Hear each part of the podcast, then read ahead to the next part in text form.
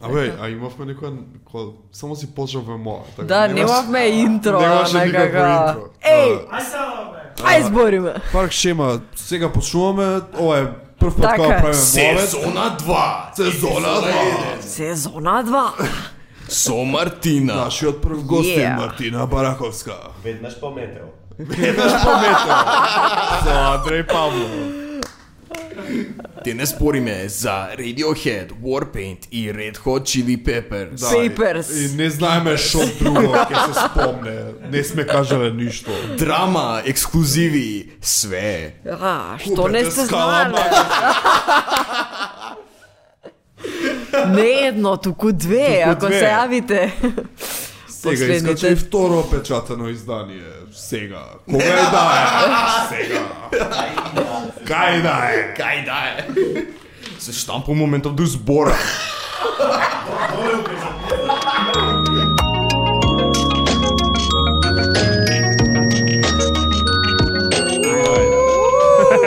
Први епизода. Со среќа подкастот. Парк шема. Еп, сезона 2. Епизода 01. СО2. СО2. Еден. Така ќе не одналагаш на торент сайт, спишуваш парк шема. С 01 е 01. Многу ќе се гордам ако нека на торент ги имате. може Кога да ги нека си тоа. отворам и викам. With subtitles. Да, да, и ако некој се замарал subtitles да стави на англиски, браво. Браво, браво, браво. Нека, а, копирајт. Те тужам одма. Да. А битно битното прашање, прашање ставав да прашам мама чекав да тече кавере, а, нивната фореврчка. Смиц или кил? Ај, зашо почнеш? Еј, не, не, не, Не, не, мора се не, снима, не, мора не, се не, снима, не, мора не, се не, снима. не. Многу ги сакаме двата, ама да смиц поише ги јам читано. Дека овен, овен Знаеш што? енерджи, тоа е... Ова ќе биде, не, ова ќе биде пол што ќе се држи со сите гости за смиси или кјур. Ова ќе биде? Секој, не, Ама секој, почитам на значи, секој имаме едно епизод. вако. Значи, ова едно сакаш да вако, еден биде. по- Го Смисли имаш ли во кјур? да смиц, го имаш Джони Мар, го имаш Мориси. Джони Мар Као е не, као Не, геј, Джони Мар е прекрасен гитарист. Феноменален е. Мори се? Мори се. Да? Да. Мориси. Не знае да не могу за... Ко фаќа да... Бат на страна си за негови политички гомна, ком добар пејач. Баш када кју шо има, шо има да кју. Не, има добри песни да Кјур, ама многу се потужни. Да, каде И каде. во многу друг мут мене ми се окей, као. Па, мене Ама зато ти ми се смиц свиѓа. ми се секојаш окей. Да. Многу Дори се да си добри. онака хепи, ба, и го слушаш мори се, ако не го слушаш шо пее, ко знаеш, така Да. ритамото окей му е. Ко среќен е така. Ама и неговите песни и солото има има Е, не чуе онака. да соло Ги слушаш. немам чуја на нија. Да. И, А, имавме една епизода баш од таму почна дебатава кај што се каравме за Smith и Cure и он мораше имаме да цела слушне еден епизода Cure, за да, ова. мораше да слушне еден Cure албум, ја морав еден Smith албум. Ја му го дадов Disintegration од Cure, што мислам дека Добро е, е најдобриот добро. албум нивен. А он ми ги даде да Queen, Queen is dead. Queen is Dead.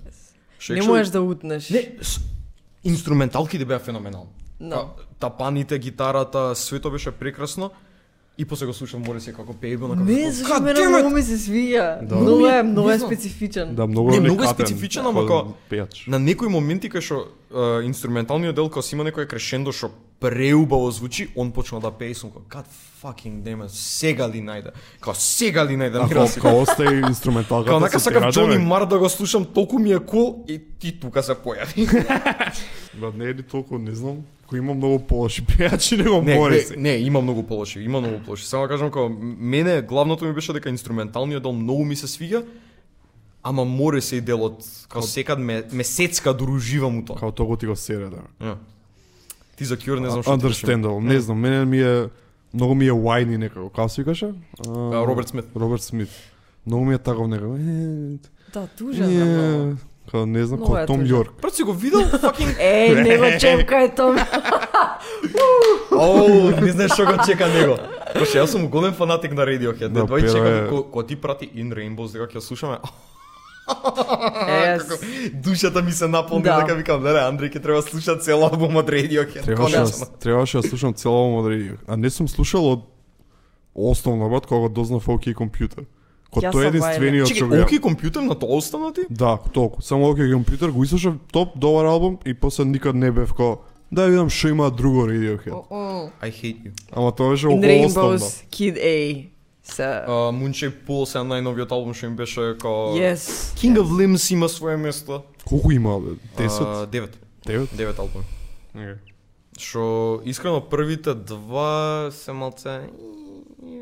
Зашо па нели вториот? Of It's Time. Не, Вториот Пабло не е од Хани тие и компјутер? Бенз... Пабло Хани и Бенз се малце... м, па, Ја немам слушама тие премногу. Мислам, имам слушано песни, ама онака... Ама не си седнала да ги слушаш као од да, да, почеток до да, као, крај. Е. ама In Rainbows, Kid A, uh, Moonshaped, исто е као многу cool. Ама, мислам дека ти и други, не знам, Hell не to знам the што Thief други. исто многу добро, као Аха. спрема мене. Од 2003-та што искочи, мислам дека као целиот концерт беше за војната во Ирак.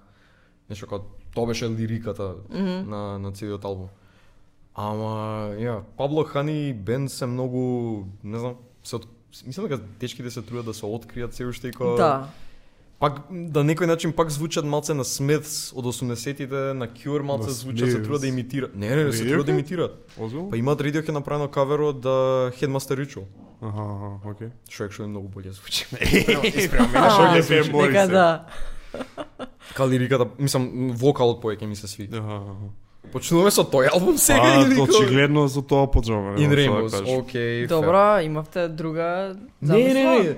Се мислевме со кој флоу да почнеме, дали Warpaint првин, дали Red Hot првин и Да, е, беше моето последен да го ставиме In Rainbows, ја да си идам, вие да си правите Onda си моје. пали цигара, Ја ние да си се Е, па слушам. не може. Грламе, да. Не, се заебавам. Не ги хитам Radiohead само пошто перо ги сака, не за друго. А, пошто он да Смитс не ги сака. Да. Не, тоа е За дебата. ине. Не, ми се свигаш албумот, ама не е... Му пишав на перо тогаш кога го слушав, му викам Том Йорк е... Том Йорк е за мене што е Гениалец. Морисе и за тебе. Сегаш, кога он тогаш го хејта Морисе, како... Ја не можам... Океј е као Том Йорк, као пење, ама исто, исто со... Као Роберт whiny Смит. нешто сакаш да кажеш? Со, да, Whiny. Ко, има една песна, а, пошто и читав, нели, да видам, ај, што е, што е со Radiohead того, а, у некоја песна, не знам која беше, демек, а, ау, тука е а, фамозното фалсето на Том Йорк. Свегаш. И сега добро, и с- зашто? Као, зашо после? Фамозното као, фалсето. Цела песна е пиш, не знам, е пиштење, не ми се сега, немаш. Не знам која песна беше заборен. Один Rainbows. Од In Rainbows, да. Не знам која беше. Само Реканер така. Можна, Ам, не знам, да, не знам. можна. Треба да ја пушти новата прва. Реканер многу пишти кој се тоа. Не знам, мене многу ми се свија тоа. Не знам, мене The Basement, као се сијата From ми the е, као, basement. да. А, Мислам дека најдобрите тоа, снимки. мене тоа ми е као Radiohead, буквално. Тоа ми е... А, мислам дека направија Pinnacle, две онака. снимки само. Што А, е тоа? едното беше е, In Rainbows целиот албум, снимено From the Basement и Plu- а, King of Limbs, Аха, кој аха, искачи аха. 2011 кој има направено видео. А Што е тоа From the Basement? From the Basement е KXP пред Сесија. KXP. Буквално лайв да. го свират ал- албумот. Имаше И кој- многу е кул затоа што као Том Йорк е гениалец, нели, тоа го се слагаме. Аха. Као бу- буквално свири бубањ и свири Озбилно? све и као предобро Не е. мислам дека ја пееш тоа. Не, типа не знае Ко некој мултиинструменталист, а? а, нема појма за музичка теорија. Многу не ја знае за препоставува. ноти, не знае за ништо такво како буквално се си свири тоа што сака. Да, Аха. тоа е многу аха. убаво. Мислам Па дека- И исто мене ми е пирамид сонг исто Е, да, онакво. Е, за пирамид сон Дела- можеш да седнеш и дисертација да Да, направиш, да, пошто да. има цел концепт за ритамот, за како Да. е структурирана песната, дека формира е, екшол пирамида. Како формира пирамида? Ритамот е ам, три е, четири тројки и една четворка. Аха. Многу е кул. Како го броиш у принцип е е тоа. И А е нешто многу добро. визуално испаѓа Визуално, демек. ако го ставиш така, ти формира пирамида. А, Да. ко Како што и нотите да песна. демек. Да, тоа е. Да, The Pyramid. А, Брат, сите песни на Тул се нешто математичко да, да, сите глупости на тоа. тоа. Не знам да Да, има... мислам дека по Фибоначи нешто прават Да, цело. е, да, да, да, да. Нешто Тој ме така. целиот штик на тоа. Да. О, Математика. Уа. Вау, многу се пронаѓам у Hooker with a Penis песната. Тоа има тешка поезија овде. Има такова. Да, бе, има цела песна што се вика, мислам, од првите албуми Hooker with a Penis. Кукрови да пинес. Имаше еден кај нас сега македонски бенд, што го слушавме на... Што беше последниво, последново у МКЦ? Земјот А, трет земјотрес? востание. А? Востание, бе. И- Не, а, земјотрес. пред, пред, вос- за земјотрес. Кај што беше нели рипов на Рамонс. А, ми И тека, ми тека. песната им е... а, Она има кури, нешто, као исто хукрови да with a penis. Е, тој што Значи, многу ме еме крадено лириксот, еме од Рамон Зова, ова. Не го знам ова. Е, Сидевме у- седиме у публика, онака слушаме песната и ми вика, абе брато, вие као нит ми вика, абе вие дечки како зимат од Рамон за инспирација. What? Инспирација. Не, не, не, не, не, го- веруј. Не го кажам. Не, вика инспирација. Ублаго кажано, инспирација, ама како демек джапнува тоа, викам окей, кул. Дека слушам песната. Чекај малце, ова е Blitzkrieg Pop. Јоп. What? Ова е Blitzkrieg Bob, као, what the fuck, ова е истата песна. Као Буквално, тапаните, буквално. басот, гитарата си иста, лириката е смената. What? Ама баш ка лирика не ни е преведена Преведено е. различен. Не е ни преведено, него е скроз друга ли, лирика. Што дека е курва со кур. Да, ама као не ни менја ритам ни на пеење, сегаш све до, Да, до да. точка е све исто. Нема да нема да кажеме кој кој е бендот. Може ке дое некој на, на, го- да биде гост. Джейми Катера. Шо? Као да Джо Роген викам Джейми Да, Катера. да, сеч. А, Океј, имав едно прашање за тебе Мартина за Radiohead. Yes. А, о- о- најгенерек прашање ќе ми да ова, ама дали имаш земена инспирација од Филип Селби? Тапа народ. А, да, мислам дека, ама не е некако како да земам да го анализирам. Ама мислам дека како начинот најверојатно како се бленда во музиката многу ми се свиѓа затоа што секој многу е конкретен, многу е константен, тоа многу ми се свиѓа, у исто време звучи многу ро. Као Е, тоа, звучи као премногу природно и несовршено и тоа многу ми се свиѓа за него. Многу, многу. Поготово, на пример, у, у The Basement тоа многу се познава. Пошто како, така како што ги снима, така звучи уживо кога ги свири и тоа многу ми се свиѓа. Тоа, а, ис- мислам искрено јас знам многу го сакам типот баш ради тоа. Има некои моменти мада имам различно мислење за тоа кај што типот многу ми звучи буква, многу е буквалист. Да, смисла, многу е као, така како ова ако- е бубањот и да, тоа ова е, како не нема постои друго. експериментација, Да, да, нема да, да, да. овде кај се заебам, не. До срж точно ќе го isfiram како што треба. Као Да, да, да, да, традиционално, да, така е. демек, У него е смисло или шо? Не е традиционално Кога како експериментира. ако на драм машин ти го направиш нешто како драм петерн или а, драм луп, с Филип Селови ќе ти го isfiri истото, без проблем, без прекин, без утка. Како се кажеш како машина е човек. Така, така. Ма мислам дека и не е толку до него, туку као целиот Radiohead, онака Да, као да. тоа е као пристапот, пошто е као Том Јорк и е онакво као секојаш има онакви као глич е, бубањи, такви Гличи ствари. бубања што да, многу да, се да. чудни кога ќе ги чуеш. Да, Нека си але викаш, функционираат така. тоа е чудното, онака ќе мислиш дека драм машина уствари Да. да. свирија човек што го свири. Ама мислам дека и тоа и тоа. Затоа што, например, 15 Step мислам се дека мешаат, е се као да. мешаат. А, има многу има многу мимс као на YouTube видеа ако имаш гледано од а, Мунче Пул кој иск- искочи 2016 така нешто. А, има а, како да кажам акустични верзии од некои од песните од албумот со Томи Джони, кај што им користат драм машин, кој некој познат драм машин од 80-тите, 90-тите. И се на коментари се како Кутер Филип Селвей како нема што да прави, нешто кој избрка да сигурно. Реално, да. Ама тоа или најверојатно као се прави нешто на драм машин као он само го онака го свири за да звучи по како human. јоп. Може би, не знам, моја моја предпоставка е тоа или е многу кул. Cool. Затоа што такво е као ми се свиѓа дека е драм машин, дека не е Да, онаков да. као чекај сега јас да покажам тука каков прелаз. Например, али го има тоа кога треба да го има, например на Pyramid Song, онакви као такви некои као воздушести прелази кои ќе убаци е као леле да као ова не може два пати да се свири. И тоа ми е лудо. Има многу моменти као за жал Андрејов дека не ќе да збори толку. За Radiohead. Ама ни тури ми мена господине, ве молам. А, за Можам пропарате Да спонсорство некој пиво да го рекламираме на подкаст. Андреј, поде ми Скопско да си ја згаснам жетта. Господине, да не сакате скопско овечер и скопско смут. Нажалост немаме смут сега, ли? Пошто не јас полу. Пошто немаме спонзор. Ама ако не Смут за спонзорира- младите. А, Извините, те прекинав со моето закашлување. не, шо- сакам да фенгрлам нешто повеќе за Radiohead малце. Чека, може... Ајде, ајде, Не, е. не, не, извини, поведете, ништо, не, не, поведете. Шо, шо ја беше мојата со драм машин не ве свадив, као толку е прецизен демек, као толку е М, on јутиња. time, као... А, да. Као и сам- Математички нешто. Самите драм петерн звучат како да се од машина и програмирани. Не, е ка- не звучи како човек да ги свири, ама човек ги свири. Аха. Мене ми Тоа е с- многу. а, имаше различни песни кај што некад Ептен ги приметуваш да па у за In Rainbow зборам, пошто немам слушано нели друго. Кај што Ептен се а, нагласени, а има и некои други кај што се у позадина, ама као служат прпес, као не, не дека се знаеш, колку да- колку да има тапани, пошто е дел од бендот, него пак се на некоја си ко амбиентални некои такви песни што имаат по тивки по не знам како да ги кажам, кај што ги има тој леер на тапани, ама си служи пurpose. Да, Како- е па тоа е мислам дека тоа е тоа што ка ми е мене замислата за него као вака треба да биде и ја вака ќе се бленднам тука и као немам многу као да бегам, као можеби ќе има некоја варијација на тема. И дури као е- кога ќе се почне као една динамика, тоа е динамиката, као можеби ќе иде нешто као у климаксот малце, Да, да.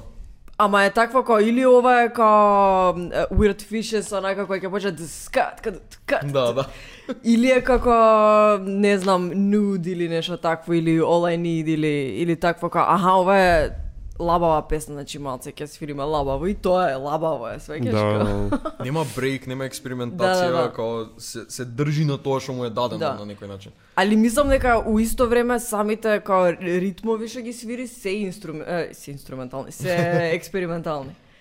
Не, многу чудни звучат. Да, Кога да, ги да, Чуеш као затоа. не е вообичаено за тапанар да го свири. Да. Барем спрема мене, као онака не знам, а, 15 Step на пример, што да, Да. пак е драм машин мешано со Philip Selway, а, House of Cards, а, Reckoner и такви стари кога ги чуеш као као песни си викаш не бе, ова е програмирано, нешто Да. испланирано, да. она му ствари тој е човек позади све што, Да. го- што го свири тој и го се држи без никаква утка, дали у лайв настап, дали а, во студио снимено.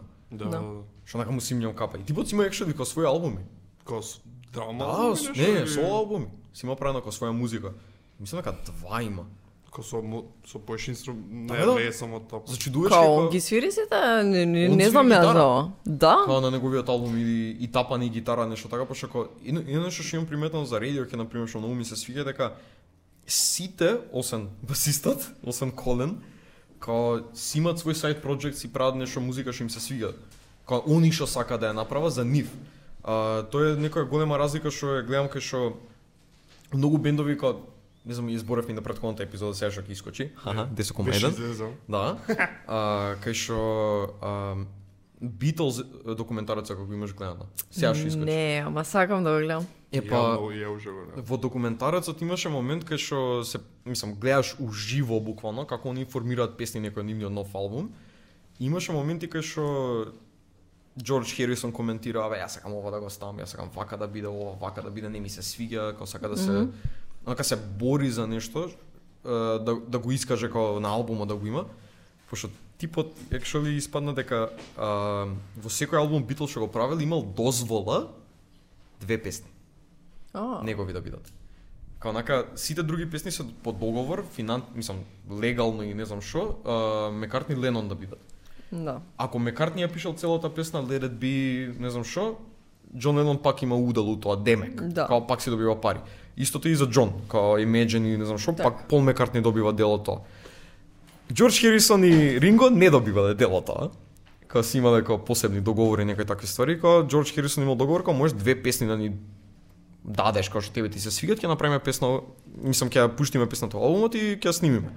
Ама толку, повеќе од тоа. Го Па, е искористил таа шанса и со таа една песна што имал ја напишал а, Octopus's Garden, што е многу добра. Не, тоа е кул, тоа е кул. Да. Ама а, моментот е дека во такви бен- повеќе бендови што има такви како дебати како еј, ние ја правиме лириката, ние ги правиме мелодиите, ние сме основачите на песните, како Да. ти само како дополнуваш. Radiohead се ус- е, у ситуација кај што не се карат за такви ствари, барем од што од што знам. Кај што Аха, аха. буквално се како, окей, ја правиме музиката, што ќе ми даеш, ќе го исвирам, ќе го направам. Ако ја сакам нешто да правам сам, ќе си го направам сам. Никој Да. нема да ме суди, никој нема да ме кара од бендот, нема да се љутиме, кога си имаме Да. свој сайд projects.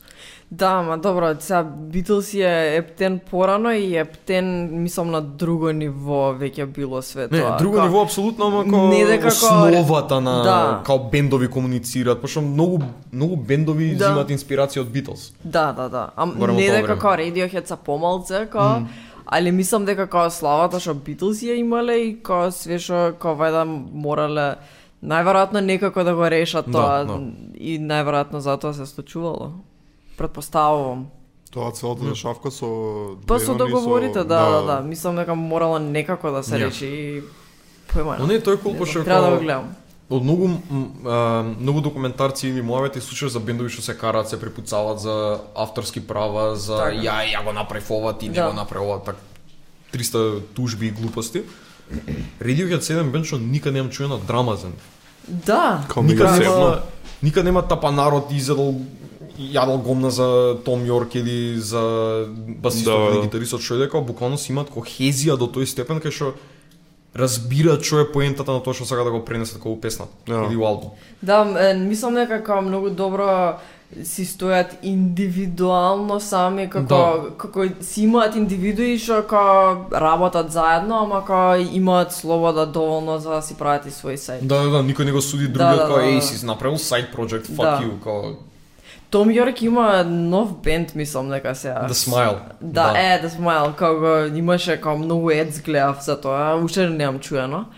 Ама sounds promising. Ја ги имам чуено како две од трите песни што ги имаат пуштено. Actually, е окей се. Со некој као Маме супербенд као коментар од овие или, или не? Рижија. Том Йорк, Джони Гринвуд на гитара и а, И си од гитаристот Radiohead? да бе, да истиот. Тапанарот е нов. Не Тапа знам кој е народ е, Тапанарот. го зн- мислам дека не ми текнува, ама кога го видов бев ко еј, ама сега не ми текнува. Шо А, видов? Пониш бендови има свирено, ама ко Да. очигледно си има Мислам дека име за бе- себе си Да, човекот. како, Да, млад да. беше некој, да. Дали басот на All I, All I Need? Дали е киборд или е бас? Баса. Бас е? Да. Најс. Шта ми е, таа ми е омилена од албумот Да. што го чув. Ама за главната мелодија збориме така, Да. не збориме за она што иде ту, не знам, нема да го пеам сега. Тоа е бас или тоа е киборд? Пошто Е, те бас е звучи бас. Не ми иде електронско. мене м, глава ми да нуд, мислам дека и Можда некој или да како е. басот е уствари Синт? Синт или нешто Најверојатно така, да. Ако е симфу вако, Том? Том. Том. Не, лично. уствари не е Не, Том, извини, тој тој Джони. братот како се викаше? Колен? Да, Басистот нели? уствари. Да, не, а, нели има еден, не ги знам искрено, некојаш ги мешам, тој типот што е со аналоген сајзар, што е најтешкото нешто за Моджулар свирење. синт што користи, тоа Да, е Джони. да, е, Гитаристот. е па, Оу, колку драми има за тоа. леле. да, као, он не мо- као, мислам дека Томи и, и он Си многу има се препуцало кара, да, на гадно. да, да, као, Зашо за синт? Пошто- Зашто е многу тешко да го Да. изсвириш тоа и да го изведеш на сцена и кога некојаш као, не знам за која песна беше, може би за 15 Step 15 или степ- нешо. 15 степи и идиотек од Kid A. Е, Па многу се карат им- на настапи за тоа. Да, и као, например, ќе почне песна и као ова е у, као не е окей синтов и као Томе онаков Да. као Си, не бе, и, а, си имате со момент кога на лайв настап си оди од бина. Да, да, да, го имам гледано, се оди. знам за кој збори, Е, да. Као не звучи као што треба да Не звучи Пошто како што фората- треба да. а, Фората со Modular Sense е дека ти почнеш од скреч комплетно. Ко секој пат.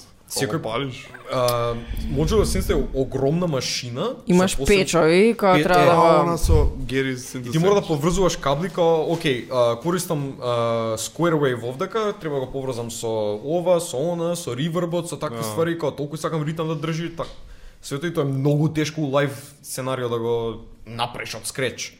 Да. И многу често се дешава тутки кај што Џони ќе проба да експериментира нешто да направи да ја почне идиотек на Да. пример од Kid A. А. Албумот и као не е тој тој ритамот, ќе по- проба Том Јорк да пее, сваќа дека не е ритамот и се Да. нервири му доаѓа му и, и као сред пеење кога ќе пее му се дере на Џони фестер, фестер. Као убрзај, као покачи ритам Да. дека битот. Да, ете ти ги драмите, уреди.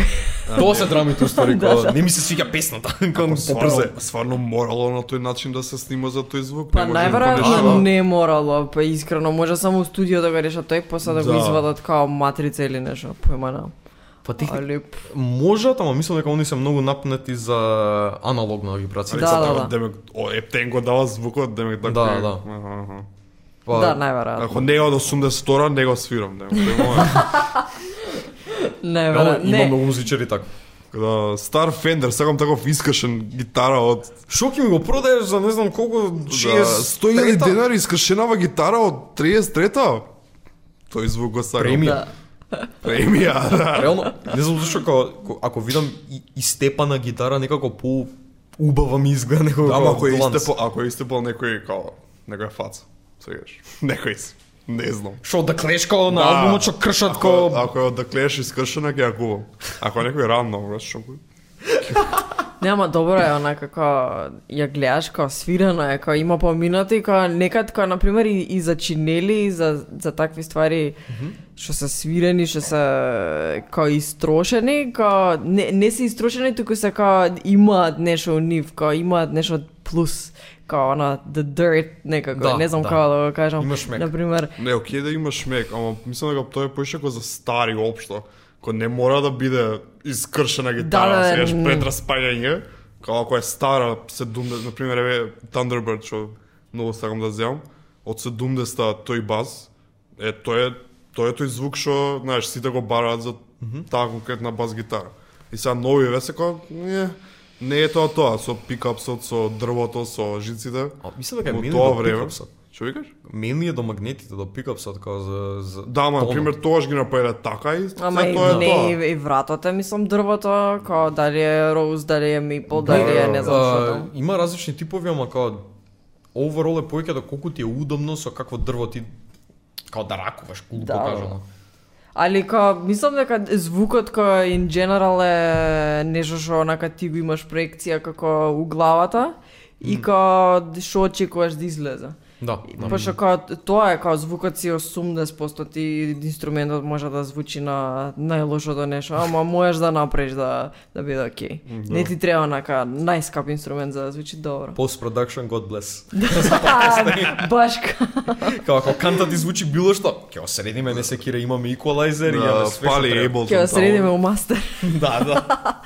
In Rainbows како конкретно како албум и зошто ми е онака како пре таков што ми има многу посебно место у срцето е онака емоцијата е некако да. многу конкретна, многу прецизна на сите песни и некако м, преубава приказна ми од почеток до крај. И на пример Kidey ми е многу по по широк спектар на емоции некако, не знам како да го кажам. Е, многу поекспериментален у смисла на звук на све тоа. Така. А ова ми е као многу убави онакви као гениални композиции пред се као музички и као се тоа што се случува, например, почнува песнава, као и иде на места што не можеш да предпоставиш као прв пат ги слушаш и тоа многу ми се свија. Као премногу. Дека Не го, не го очекував тој звук кога го пушти Фин Rainbows. Озбилно. Очекував некое ко акустично сакам да кажам. Не знам така ми идеше албум кава. По, Понека warm, по, е, да, баш Warm. Ко Warm акустик нешто Том Йорк си пее, па ама е технички е нај-warm албум што го има Па Tin да, Rainbows, нај, нај акусти, нај Да. е, свирен може би. Да. Ама пак имаше моменти на такви на синт, например тоа All I Need што ти што ви викам. Имаше некои такви како електрон електронски моменти да кажам. Ко не не е тоа што очекував Да. воопшто. Не, предобар албум, искрено спрема мене како како што сум фанатик за Radiohead со години. И Rainbows ми беше како како да кажам, како breakout point за Radiohead, кај што сфатив како holy shit, дечки бе, знаат да прават музика. Добре се се добро. Ќе успеат. Па не, ќе ќе ги пеат. Не, бе, пред тоа како сега ги асоцирав за депресивна музика, да, за да, таа да. атмосфера да ја градат, што беа перфектни за тоа, ама Да. Зашо и ова беше малце не беше нешто среќно. за нив е. Да, да, да, премија. ова е. Ова е као Ова за нив е Врвот на највесело што ќе среќа, да. да, ова е највесело што ќе чуеш. Тука Том Йорк е најсреќен. Да, да, да. Кад што бил. In Rainbows е највесело што ќе чуеш од Radiohead. Озбилно? па, Да. Не повеќе. Нема исто. Како сакаш, е, што се вика турбо депресија, взимаш Moonshaped Pool, Тоа е Да, да, новиот. да. најновиот албум, ако с- или Kid A, исто така што е како екстремно Alien Thing, што вика како Мартина дека е екс, како обширен, широк да, албум, повеќе звуци, експериментација, све тоа, ама ето кор е тажен албум, кој екстремно тажен албум. Дали се извади да ти ми збореше нешто кид кид амнизијак нешто? Ама не, Како тоа е комбо за, Да. албум. за тв- колку беше 15 години. Два е, двијадите, мислам дека Кидеј. Киде Емнизијак, усвари да, за 20 години Кид не врсе. Amnesia се вика, или Да. како и да го кажуваат, и ка многу песни има. И, Има екстра нови да, песни, да. да. Да, да, Вајда е као се што као било у процесот на Да. правење на албумот и Што тоа е многу. технички а, Киде и Емнизијак, Ја. Све, све што било и што не влегло под Да. подасен круг. Ако све си, си пушти тоа. ја. Ма тоа е г- као премногу музика, а као на самиот албум као има онака као замисли колку мислење требало за колку песни има, да, колку има с- осум, така? Као толку не знам колку има на на на најновиот. Мислам сега А, Мучек пол или не за- на на ниже.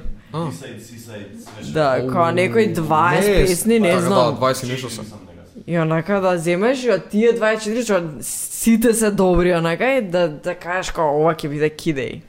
А, и го Многу скатриле на 8, киде е Да, да, 8 да. песни А, се? Кидеј и Емнизијак во исто време се снимени. Ао, да, да ми кажа. Као во да, да. истата година ги снимали, као буквално се реши дека, оке, оваа селекција на песни се сви, ова е Кидеј. Ама добро, пак е Така, тоа. Да. Се, одма после година дена Емнизија го пуштиле, устvari тоа се као технички бисайдс од Кидеј снимањето, ама као толку добри се што Ама така е полесно да ги подели, на пример, ај оке од 24 направиш еден албум, ама два направиле као полесно е сега. Да. 24 и 8 ваму, 10 ваму и готово, тоа е тоа. И три ке фрлиме као бисайдс.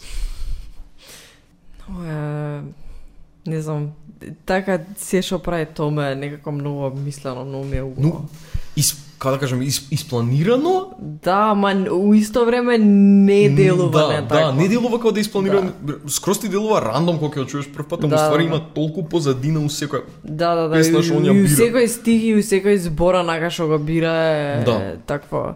Да, мислам дека дефинитивно не знам за Radiohead колку што знаеш ти. Мислам Фанатик дека, сум за Radiohead, за шал. али, али знам дека како онака има многу моменти поготово со Kide и со In Rainbows што ме има допрано онака на на многу онакво ниво кај што како ме имаат буквално сменато за тоа како пристапувам како мислам за музика пошто баш ради тие работи како пристапот и на бубњарот и пристапот и на и на томка свекаш да има мининг позади се што што прават и, и да има емоција и као да е многу конкретно, многу конкретно искомуницирано. И Многу е, тоа е многу убаво. Тоа е а, ке ке рентам уште малце. Ке бидам фенгрол ипак. Рен број 5. Ајде, после ко- по окей ќе биде, само да поминеме Radiohead. Да. Мамето ми беше дека Издржи. држи се те, молам Андри, те молам. А мамето за за Том е, што ми беше како многу многу од песните што он ги прави, многу од музиката што што ја твори е као секаде емотивна, секаде со некакво значење, ама ја никад не го асоцирав тоа на почетокот, као мислам, кога почнав да ги слушам Radiohead, многу бев као, окей, тажна музика, се совпаѓа со мојот муд, ако ми е таков, Да. да. си имав посебна се, буквално ги користев Radiohead, само за посебен mind state што го имав во Так. текот на мојот живот и само тогаш ги слушав. И кога онака почнав да коп, копам уствари за значењето на песната и за истражување и све тоа сватив како holy shit уствари за музика и за песна барем спрема мене ова е фората, ова треба треба да има значење барем некакво значење Да, кога правиш да, да. нешто. Не, м- не, не треба да биде, мислам, може да биде рандом, може нешто за заебанција да биде песната или ко контекстот или зошто ти сакаш да ја исвириш таа песна. Ама на крајот на денот најзначителните песни, нај што мене ме допираат се такви кои што се емотивни со значење, дали е депресивно, дали е поредко весело, ама највеќе депресивно. Ама кога некаква прича да е испланирал некој со години ја ја, ја мисел како да ја пренесе таа порака. И овде го прекинувам со моето рентање. Да, Веќе софтбој станав. Ова ќе прекинувам. сам без мака. Најдобар акаунт искрено. Спонзорос. Да те молам, те молам спонзорирај. Шо ќе ни таа со? Со бој. Скриншот ќе ни праќа. Сакам скриншот да гледам, се смеам на тоа. Скриншот од луѓе што не слушаат. Кој и слушно на парк шева што кажа, бре. Тоа ги е сум. Много Да и беше сок. сакаш, да и сакаш на дет кај мене дома да пиеме вино и да слушаме паркши да слушаме. Зборувај ми како што зборува Перо. Да, да, да. Зброј ми како што Перо зборува за Том Јорк. Да. Опиши ме Сакаме мен. како што пева Грл краша нека на Сакарига. Том Йорк. од чекај, од другите албуми таман. Мислам дека може да се пребациме на А чекај за Инрим Бос толку демек. За, а, Сакаш да при... не, Сакаш бе. да продолжам? Сигурен ајка си? те. А чекај, Зашо- ако можеш да бираш Кидеј или Ин Реймос? Кидеј, Кидеј? секојаш. Да? Кидеј ми е најмилен албум у цел све, онака, Да. number one. Океј. Киде беше по, по електронскиот кај што влегаат на... Кај што ја прават она, како да кажам, транзицијата од а, гранџи и рок музика на екшол електроника или нешто експериментално што они си прават. Аха, и тоа е како пр, прв пат тој звук го бала Јап. по сари. Киде е првиот пат кога онака, Cool. како да кажам, ги, ги, ги имаш слушано на Radiohead како што сега се, Аха. како сега што прават. Зошо зошо го, го даде In Rainbows? Тоа ми е као емоцијата. Многу ми е као е, е, некако премногу добро се блендува со тоа како јас се осеќам. Но онака како поготово во еден период од онака животот и ми е знам како го имам преслушувано многу пати, кај што секој пат М, секогаш ми е истото чувство и, и секогаш онака hits home, не знам, на, буквално нема некој као е ради ова ги слушам или го сакам in Rainbows, тука е онаква као знам дека м, сум била на иста линија, на исто чувство со тој албум и тоа е единствената причина. И као знам дека као многу э, и онакви као и in the basement тоа, тоа што го кажав. Као мислам дека прво го слушнав тоа, па после бев као чекај да видам какви се студиските верзии и, и, и тоа ми беше онаква као мислам дека поише као е, нив како бенд и како звучат лайв и, и како све тоа изгледаше и као поготово емоцијата на, на, на Том Јорк, онакво како, пошо преубаво ми е која, такво ми е како, како цвеќе ми е Том Јорк, онакво како, а, кој ќе пее и кој ќе игра во исто време и тоа многу добро го блендува, пошо знам, многу сака, нели, играње, као танц многу сака. И, и, и самото тоа, као самите движења негови и све тоа, као не знам, такво ми е, као целосно знам дека кога го гледав in the basement, као Реконер, Weird Fishes, онакви као, као самите песни изведени ми беше као вау, и баш као што се на ист албум и ми е као... Тоа ми се најверојатно двете омилени песни од... од... А Да. дали а, тоа Weird Fishes, од тамо ти е името за да албумот свери што го издаде? Да, и као, и други работи као под тоа што као онака као си ги поимувам и со текстот и со све тоа, ама као главно да. Nice. Пошто мислам дека последнава година или две ми се нај онака хеви инфлуенс за за звук, пошто многу ми се свиѓа м, начинот на кој што бараат звукови за тоа буквално што зборавме до сега дека се е као цацкано и мислено и као такви некои многу експериментални ствари што секогаш ми се свиѓа и некако многу несвесно ми доаѓаат. И, и поготово експерименти од типот на пирамид сонг буквално. Као, дај да видиме што ќе се деси ако го ставиме овој ритм или као видеотеп колку е ретардирана песна е, или идиотек или као 15 step као не не не не нема крај буквално. Ќе го ќе го направам муабетот за видеотейп. Сега ме подсети. I am so sorry. Што е моето за синкопрейшенот? Да, да. Као Точно. почнува и тотално кога кога влага се кога сваќаш дека апсолутно не ја слушаш кога што треба. Да, Е, Кога пошто што што ти викав секој keynote као на клавир што го свири е уствари во ритамот. Као Као не е да, со ритамот, ми во кажа, ритамот меѓу секој како секој бит Да. уствари он свири. као не е на прво време или како и да го слушаш во главата, туку Да. кога ќе влезе се тогаш сваќаш на кое место уствари е свирано и е многу И затоа на Но- лайв настапи дека типот има многу проблеми као Том Йорк да ја, да ја почне песната, пошто многу е напорно да, го започнеш ритмот кога ти мислиш у еден стил и си као чекај, мацу свират, фак, као треба да make you Да. Да. битовите, јас треба да се пикнам некако. Као природно ти е да не го правиш тоа, Да. него... Многу е неприродно за да го започнеш. Имам гледано и за Pyramid Song као лайв, пошто бев као добро, Оу, као да. ова го, го изведуваат као у студио и е све кул, ама како се дешава као ова лайв, као пошто он треба да пее и да свири пијано исто време и тоа е Шо е ретардирано. многу факт. И као го прави и тоа ми е исто лудо, као многу добро го прави. Тоа за свирење и пеење, искрено сега баш сватив дека како екстремно, екстремно тешко. Тоа е најтешко да нешо игот.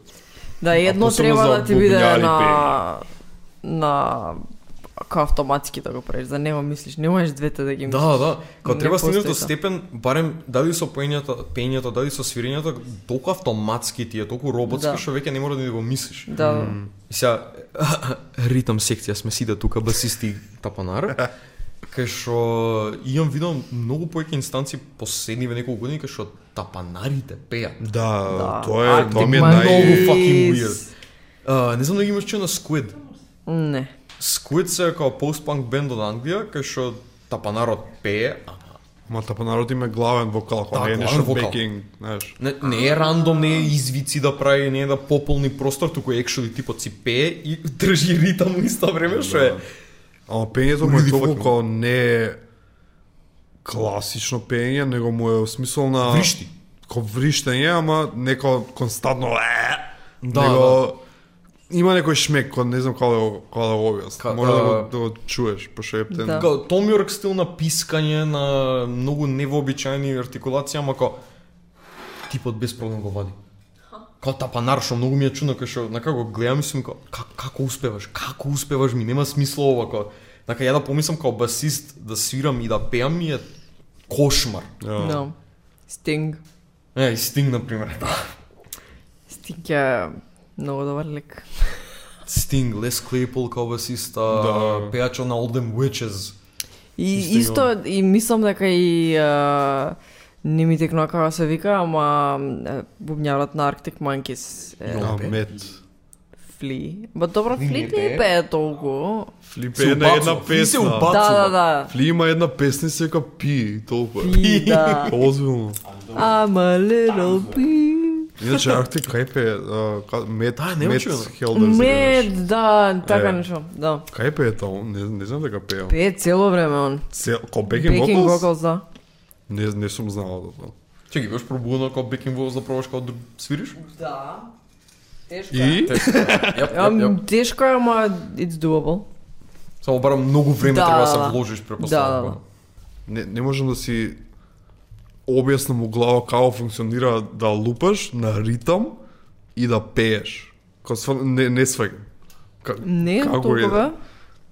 Пошто ми е толку, например, бас, гитара ми е нај, пошто гитара е како, знаеш, класична гитара, ако свириш, кор, акорди, свегаш и код не е толку... Ако си ритм гитара, ако си лид гитара е многу позитната. Да, добро, да, со лид гитара, окей, ама со бас или со да, бубањ, да. да. ми е Да, многу најзаебано. поритмично и мислам да. дека многу поише треба координација измеѓу И тие кој ти треба да ритмови. пееш контра ритамот што го свириш, сега не Да. контра, ама не е не е тој не, не пееш како што свириш, Да. бубањ или бас. Да, една од најдобрите ствари што сум ги вежбала на бубањ е на книга ка The New Breed се вика и ка имаш као различни системи. И сега на пример ти вика, окей, системов ти е као свириш а, со десна рака и двете нозе ова го свириш. Значи ти, ти дава као ова свири го со со со ај не, Значи свириш со лева рака, десна рака и лева нога, нешто, Океј. што ти е дадено, и ка имаш мелодии што ти се напишани ка, ка м, 10 страни ноти, mm -hmm. онака. И ка ја читаш мелодијата со десната нога, додека ка овие триве други екстремитети ти го прават тоа што ти е зададено како систем. Аха, аха. Има смисла? Ма пратите? Не те брата, но као what the fuck. Да, и но сега тие четири екстремитети ти го прават тоа, као ова ти е као гласот, да речеме. Ова ти е нешто што као го свириш и го забораваш. Да. А, ама у исто време кога треба да, да сватиш како сите тие комуницираат едно со друго, зашто така се вежба координација у принцип. Делиш рака нога. Како? Делиш така рака. Да, кога делиш десна, лева, хемисфера, све тоа. Ама со твист дека као треба да броиш врз тоа. Значи гласот ти е петтиот екстремитет, кај што треба као све тоа го праиш Аха. и свириш као offbeats, као, као сите син, синкопирања ги правиш едно друго. И се ти врз тоа е, броиш као 16-тини. Раз и два и три и чет и раз и Да, е, као или 1 и n а 2 и n а 3 и n. Технички со пет екстремитети ракуваш у исто Да, и време. тоа е многу и тоа кога го направиш, мислам дека пењето е као као се можеш да направиш Ја, после Е, па тоа. тоа што игаш, што треба едното, или пењето, или инструментот, треба ептен да го онака совладаш максимално, Да. за да можеш полесно Да. друго, кога само Е, мора секам топ мусл си мемори доаѓа. да ти биде као. Да.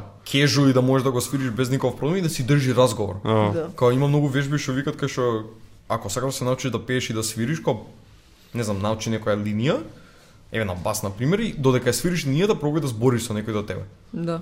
Да, тоа е И, weird. и така ќе се увежбаш, кога ќе си правиш разговор, си свириш цело време и кога се учиш на некој начин. Ја. Ама Да бе. Еве, еве Лука исто тоа го прави на пример, као е, он свири гитара, треба да барата со педали, у исто време као има текст за пеење што као не можеш да не го испееш, пошто као Кога се свам распаѓа песната, а исто и да нема гитара за распаѓа песната, така што Да. you're Од, fucked. од буквално. фанк шо и лука и пињето, сварно, сега кога ги размислиш, не е... Не е некој баш као у ритам со гитара да пеење.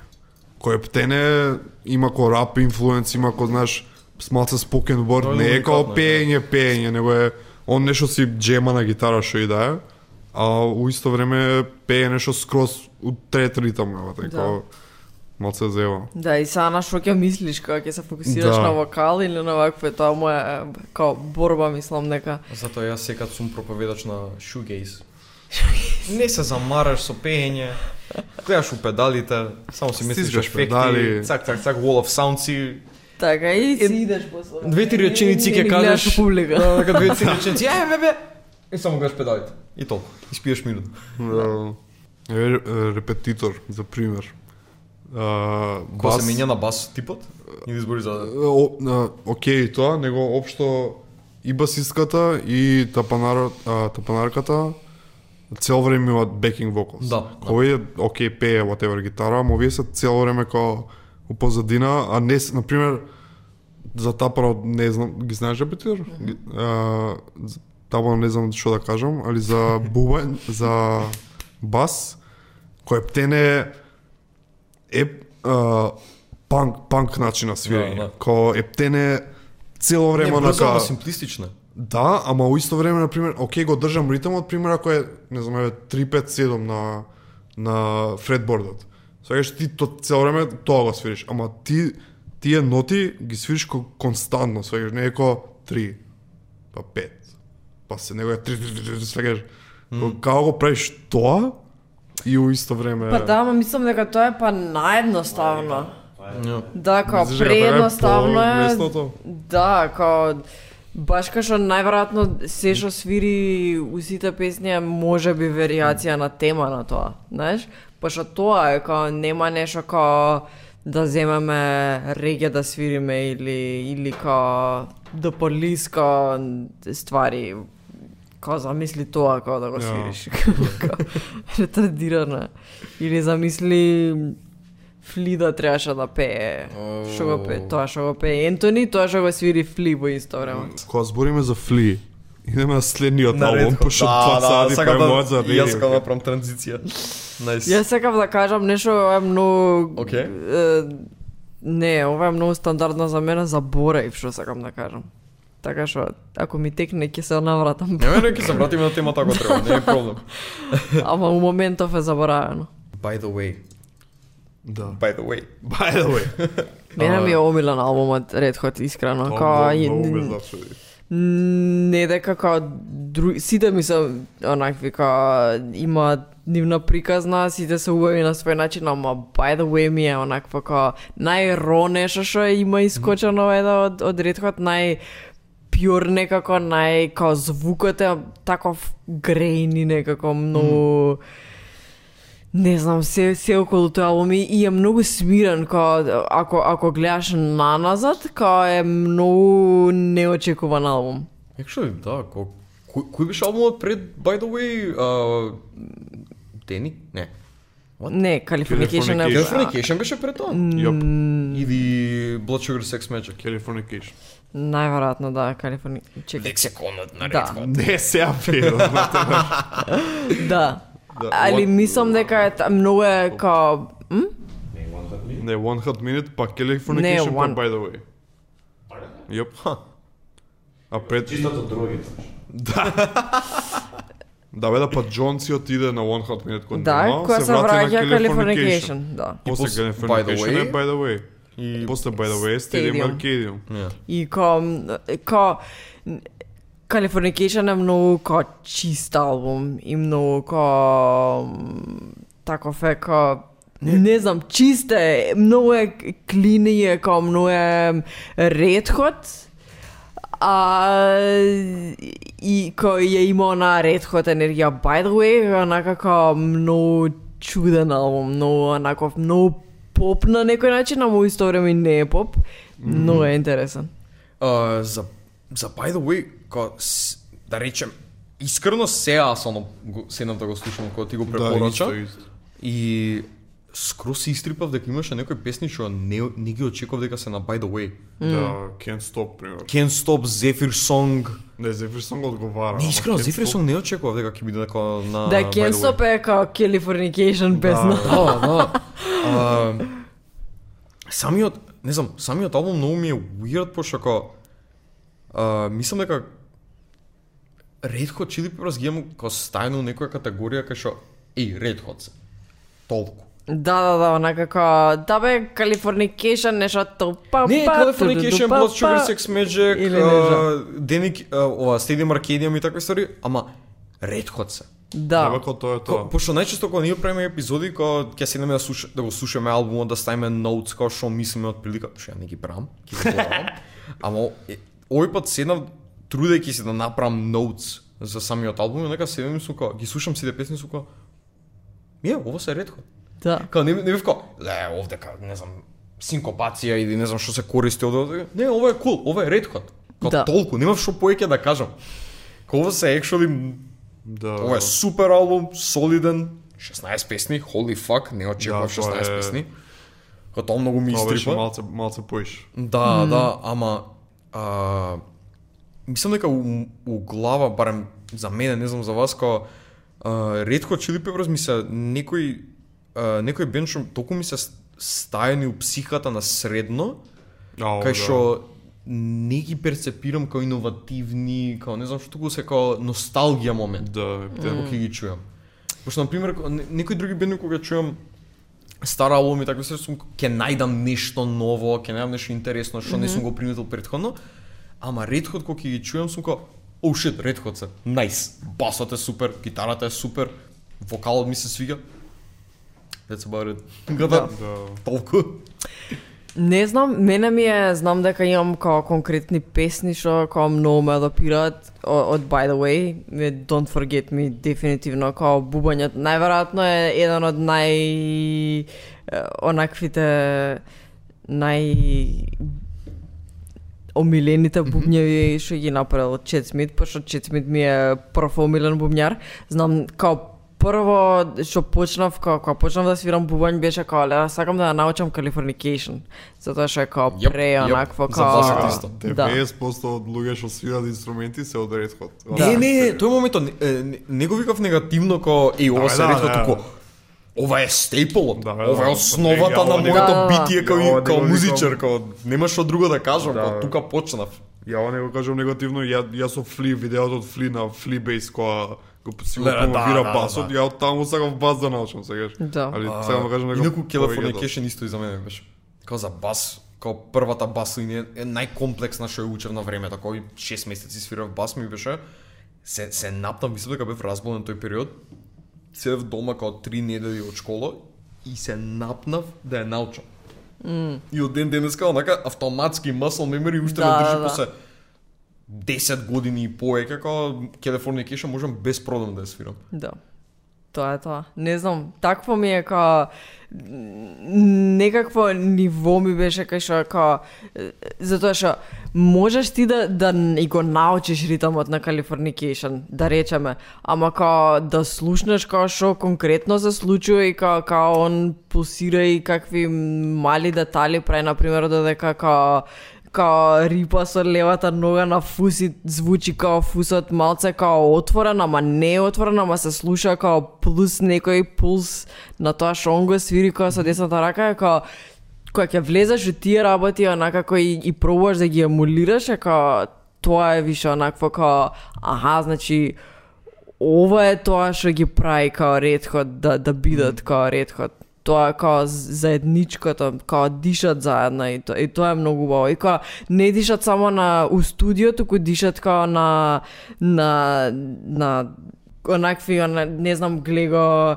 uh, Слейн Кесел глего, uh, Хайд Парк глего, не знам, едно од омилените мои е Лаци Гале, тоа е од истата турнеја, онака како, и гледаш и као, сваќаш дека као, буквално дишат заедно, као, едно се, И сите оние најомиленото нешто е онака како леле завршува песнава сега најверојатно ќе се деси нешто ново како и, и ќе има джем и ќе има и, и сите перфектно ќе се разберат кој што е како прави сите ќе си направат простор еден за друг и, и тоа е онака тоа е musicianship тоа е кога Не. се сите фамилија и кога имаат разбирање еден за За, друг за фан аспектот мислам дека Red Hot се дефиниција на фан кога свириш. да м. Као дури, мислам, само и од бенди ти ако пробаш да го емулираш тоа на кавер, да го свириш шо и да со бенд твој, да. Ја. е секад најфан да да свириш Red Hot песна. да да Ама ретко се оние, мислам дека од првите кои што ќе видиш дека дека стварно си одговараат едни со други. да да да Као ептен, Тоа е склопката, е тоа е како вака. да, ако извадиш еден нив код не е тоа тоа, Да. знаеш, код тие се тие четворица и стварно си одговараат и не е дека еден има Стварно од Ретхот нема еден што се истакнува. Да. Ко, Океј, ако си ако си некој инструменталист, на пример, ако си гитарист, океј, може ќе ти се свига Џон Фушанте највише, океј, ама у Полоскопје. склопка- ама у склопка се ко, тие се тие и не нема џабе ако го извадиш, на пример, еве Ентони, мене не ми е ако некој океј ми се свига пењето и све тоа, ама кон не е некој си феноменален, знаеш. Вокал, да, ама извади го и кој Да, редкот не се Кон редкот. редкот Да, не е, да. а без Ентони нема шанси, кон не е тоа тоа. Али не е, не е некој си, вау, не знам шо. Да. има многу бендови што мислам ја правевме, ја зборевме тема уствари кога на претходната епизода кај што има момент кај што ако го извадиш некој аспект од бендот, некој мислам пејачот, Да. гитаристот, басистот што и да е, не е веќе тој бенд. Кога Да. на вистина Па има некои бендови што само функционираат кога се тие личности и никој други. Као, не знам, а, претходно што зборевме беше као Alice in Chains. Кога Лейн Стейли умре у 2003 кога сите очекува дека како ео, окей, готово, Alice in Chains прекинува, тоа е тоа. Зема нов пејач, н- некој нов дечко, ама кој реално има силната ги слуша Alice in Chains после Ја искрено Линстен. не не ја знаев оваа информација. Не, не, многу е рандом, многу е рандом. Искрено не ја знаев ова. А, Alice in Chains уште си терат како бенд. Они да настапи, свират и свето си има нов пејач, ама не ги слушаш Alice in Chains без Lance Да Lance бе, Staley. тоа кога Па. да кажеш м, еве бе Queen имаат нов пејач, пејачка, да, и буквално. као, ај, И ти си слушам као, Queen да, сега. окей, супер што Абе, имаат. некој го заменил Фреди Меркюри. Нека свират Жми. у гаража. Нека. А, мада има некои бендови што, например, а, дебатата што изборевме со, со Павлов, е, има некои бендови што ако го смениш некој аспект од бендот, некој кој член, нема голема разлика. Да. Барем, за, тоа Слипнот ја што викав. Mm. Пол Грей што беше басистот на Слипнот, он мислам дека умира 2000 и- сега да не не кога беше 2011, 2010 така нешто. 13 Ама и Джој Джордисон? И Джој Джо, ама не, Джој си отиде, мислам, жив си беше и свето, ама он си отиде од бендот. Ама сега почина. Да, почина пред година две така нешто. Не бе сега почина, мислам. Не знам, шо е тоа? Мислам, кој е тој? Бубњарот на Слипнат. Сега про- почина ми сум пред неколку месеци. Не знаев. Не, не, бе, не бев толку фан на Slipknot усредно. Да бе, ама замисли еве Стюарт Коплен да го смениш у The Police. Не можеш. Не постои Гледа. онака. рандом тривија, ама многу ми е мерак да го споделам. А, Стюарт Копленд е а, композиторот на Spyro the Dragon. А, Ако некој има игра на Spyro, на Sonic Cats, Sonic 2, што и да е Оригиналот? оригиналот, Стюарт Копленд имаше правилно трак. да, Стюарт музиката. Коплен Шо е ми е многу гениален. Типот е лик. феноменален. Да. То е, многу ме ме- ме истрипа као е, као ја го асоцирав како тапанародно да палис. Да. Океј, тоа е тоа. И кога открив дека усвари типот прави као фул композиции, траки и свето за игри и свето, сум као, what the fuck, чекај малце.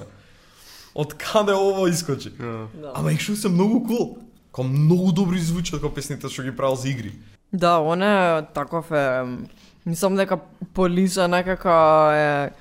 Као дали Стинг е... Као тој ше онака... м, фронтменот еве као колку и глупо да звучи или Стюарт Копленд онака кој ќе искочи као све дава у песната. Све што Апсолутно све, да, да, да. апсолутно може да. А дали го имаш чуено, дали го имаш чуено стари Rush? Yes. Thank you. Мене душа да ми исполни некој Rush што ги има слушано. Не, мислам ги немам слушано, ама као Тоа некој песни да. као Yes, Ја. yes. Том Сойер, као Ја. не знам, такви ствари. Као Ама- што на X, XYZ. не? да. XYZ, XYZ, ја. добро, тоа е класик. за за тапани Нил Пърт ми е Да, Нил Портен, добро, да. fucking легенда, човек. Ама и многу е иновативен и со с- као цел сет како му е поставен и све тоа е. А, као- то сега ме чудеше како за, за тапани, како за Нил Пърт, пошто како 360 сет имаше. Да, и плюс електронец има свирано еден од као еден од првите луѓе што има као хајбрид. Ја, како Сет. многу е fucking weird, како да очекуваш old school тапанар, што би се Да. рекол, од 70-тите што свирал, да им компонира електронска ин, инструм, ин, инструменти и такви ствари. Како, Да. Holy fuck, колку е добар. Мислам, Да. колку беше добар, сега почина пред година, тена и две години, така нешто. Yes. Не па истиот мојот со Rush Gedili P, Гедели, така? да, Гедели е басист и Ама пе. види го, види го басот на Gedili. ви- Не, Геди- Како, бе? Гле, Гедели е уникатен. Давај така за Ги- сите. не, не, и не, не. Лес Клейпол е уникатен. Лес, Ли е лес е уникатен. посебна сорта на е, онака е, separate beast of itself и го имаш како Гедели што свири со еден прст на А, бас. Тоа ми е, тоа ми е weird. што е најуирд да. нешто што го имам чуено, кога само со показалецот свири типот и таков тон вади и ко и, и успутно пее. Да. Што е insane за басист, барем спрема мене. Па Based конкретно за, за X, XYZ, таа бас линија да свириш со еден прст, мислам дека не знам, брат. Ке ти падне прстот, брат. А Нема. знаеш дека гитаристот е срвин, така? Кажав, само во претходната епизода. Да, многу е weird кога гитаристот се вика Александар Животич. Нормално. И типот, кој, мислам, неговите се пре, а, кога го има на него се преселиле во Канада и типот си го сменил презимето во Александар Лайфсон. What the Од fuck? Животич, Живот, Па А, Лайфсон. Кринч. Што е кринч, О, е но. weird, Ел Кринге. е, ел кринге, ама као... Имаш србин во Раш. Има многу такви од Југославија. Едно Крис, Крис Новоселич, брат. Го Не, пратиле Хрват не беше? Хрват, го пратиле Да. у Хрватска после некое време неговите кодемек. Многу се дрогираш, ајде назад у Југославија. Озбилно, озбилно, тоа се деси.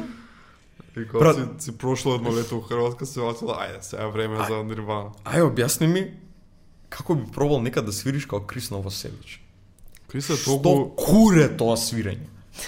Не, не, не за комплексноста, не за нотите, за како ја држи гитарата, брат, му виси Ба вака на добро, ама колена види го му е. ко кафе прво, Не, значи типот не е како сескоч. постои. Да, да, да. Ја од средно го асоцирав како сескоч со бас гитара, како онака му- рацете му се гигантични и онака до колена му седи бас гитарата и он свири. А И How do you тоа do него that? му е удобно, пошто Да, кога него да. рацете му се до колена Да. као. How the fuck do you do that? Ами сега свирал некои ретардирани басови, кој немаше некој... Некој класика, Fender, Па не знам, Jazz Bass. Кој Што немаше... свиреше Крист? некој, не знам, не, не знам како се викаат. Ја сега мислам дека свиреше типот како Epiphony Да. Fender. Ноп, ноп. What? Не знам како се викаат, али не, не се не се класика, ниш, ништо што би асоцирал со класика, бас, гитара или гитара. Ali back to by the way, а, м, Е, за by the way изборавме? да, у меѓувреме, а, мислам, ми ги има сите онакви као пре онакви емотивни песни што мене као ме допреле.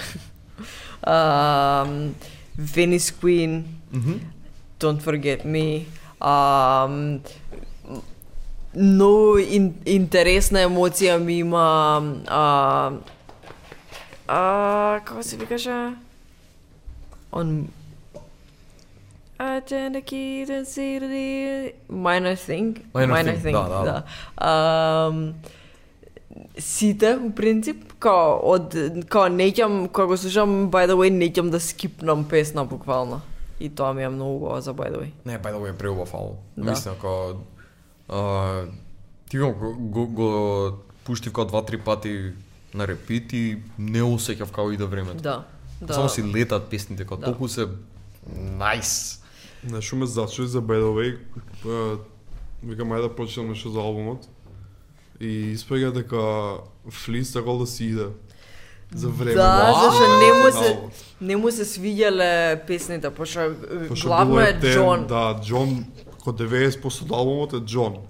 и, И као и он и ги као, пишувал и басот и све Да. тоа, и као Фил бил као Really? што барам ја тука и као сакал да си иде, ама викајќи го а, на крај бил мојата да ме ајќи го доснимам албумов, па ги си си идам, идам, да. и после бил као е, ај не, пошо и демек она што го спречило е демек ова а, си замислив као треба да му кажувам на Ентони демек дека ги си идам, пошо они се 20 оригинални најболи освен- другари се. Да, најболи другари се тоа. И тоа тоа го спречило као Али, да, мислам дека као пре, онака од се што као, ем, пошто Californication има онакви песни што се као, не знам, Around the World, например, као...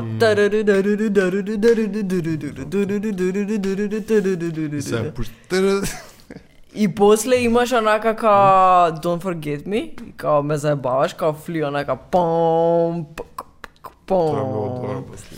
И као, као можеш да замислиш онака што му се деша на да фли, као дај свиривме онака као ваква енергична музика, као ф- фанк, као, као све што Red Hot као поимуваат као Red Hot тогаш и као сега Джон доаѓа и као прави као такви поп песни и као ги дава и као флија као fuck this као не го правимо.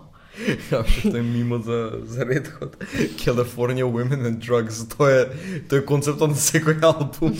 Да, реално.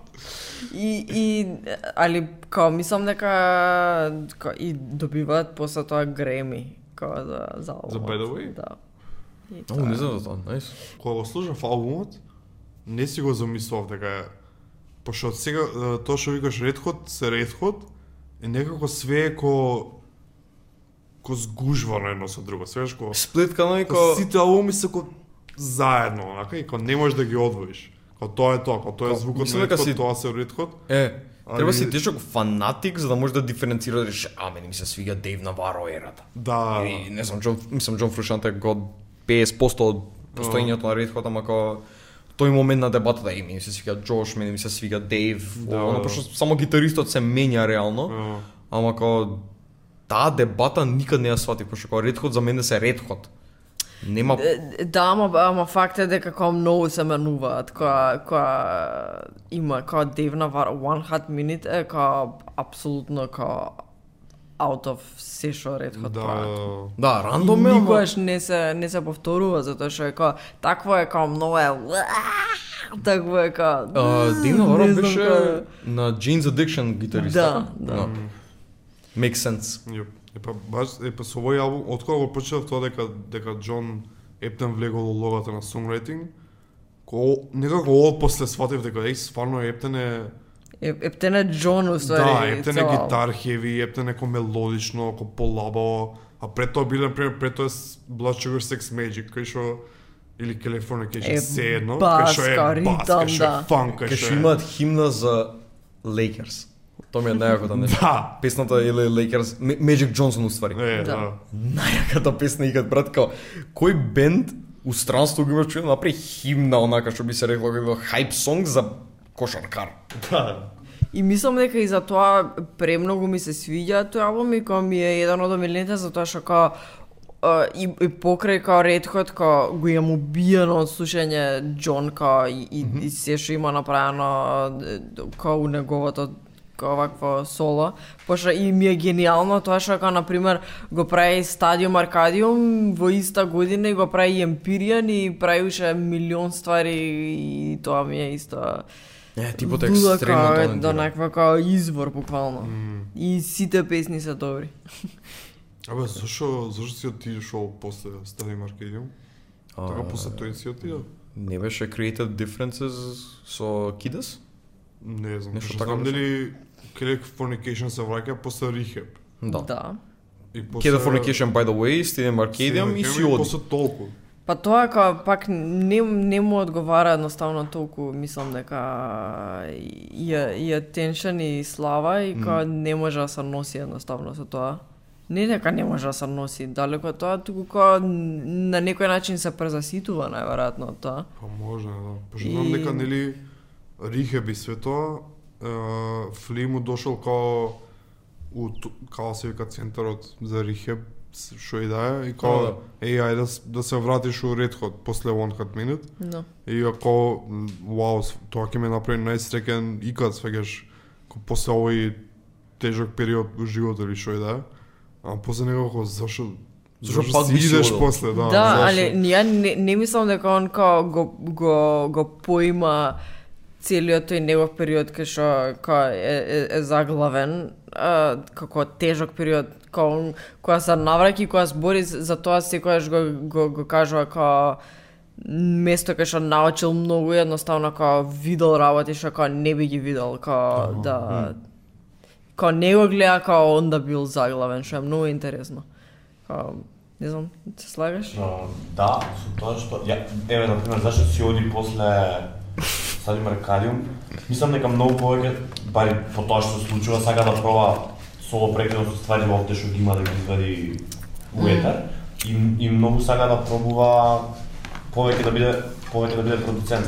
И он у тие години после Стадиум Аркадиум до сега он колку албуми вади и на многу албуми е продуцент без разлика дали е електронска музика, хип-хоп, нели он вади, он им го продуцира на Black Knights, целиот албум тој. Не знам дали знаеш. Дури го има на Да, Десни има и на го има. радио онаква емисија. Да, Да. као веројатно малце да, да искочи од, од ретход, да смени, да. да се проба на други фронтови.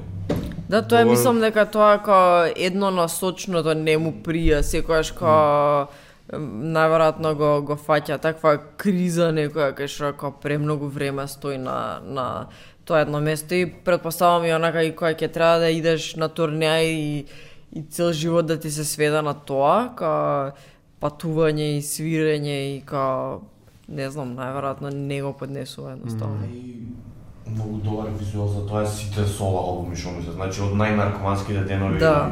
кај што се облака као како беше на кој се облака Неандрала Dance, да. Неандралец and usually just a t-shirt имаш песна што е your pussy is glued Она- Да, да, да, да, да, да. Не, тие untitled uh, ствари се гениални. Многу се добри. но и после тоа го имаш Letter Leffer и сите тие на Да. розевиот албум што се фантастична електронска Да. музика у негов шаблон сака да проба да Да. види што е- што е до, до каде Scott му е Walker. диапазон диапазон као креативец Да. Да, и мислам дека е многу поише од тоа као, да бе, еве, правиме музика и после ја свириме као, он сака као многу поише да биде у, у некомфорт зона, најверојатно, да, да истражува и тоа што не го знае во моментот. Наместо као шаблонското, аха, сега по скеджел да биде онака као, сега идеме, правиме музика, значи, да, да, и мислам дека најверојатно тоа е као сака промена и не може да седи на едно место mm. премногу долго.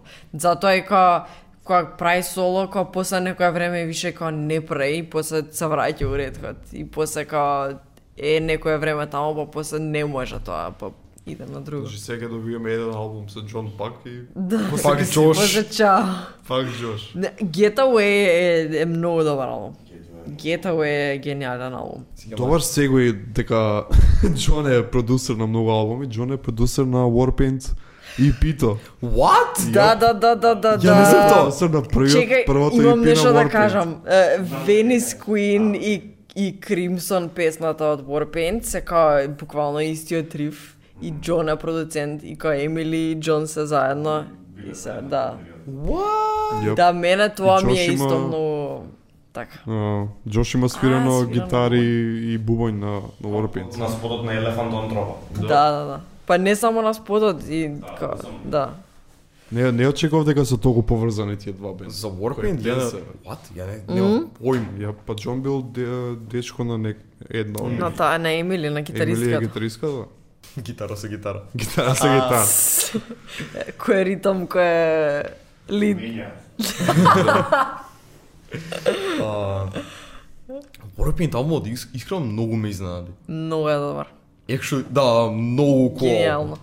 А, не, не знам, не, не го очеков као, паш кога читав као повеќе инфо за, за самиот албум, пеше као Dream Pop, што многу ме зачуди. Синт Дрим, да. Да, син Dream Pop нешто така, ама еш многу кол.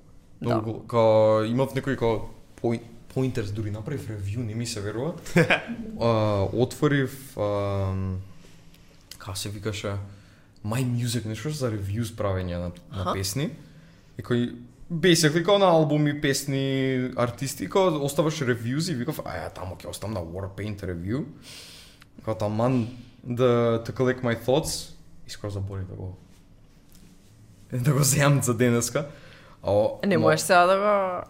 Не можам, Како се знам, ако знаеш? треба буричка да се логирам, така историја, ама моето ми беше како а, интрото на песната, на, на албумот Keep It Healthy, а, Go In, CC, Drive, Сите. Actually, многу добро. Многу сфанало. Да. Многу добро. Целиот албум, да, да, да. да.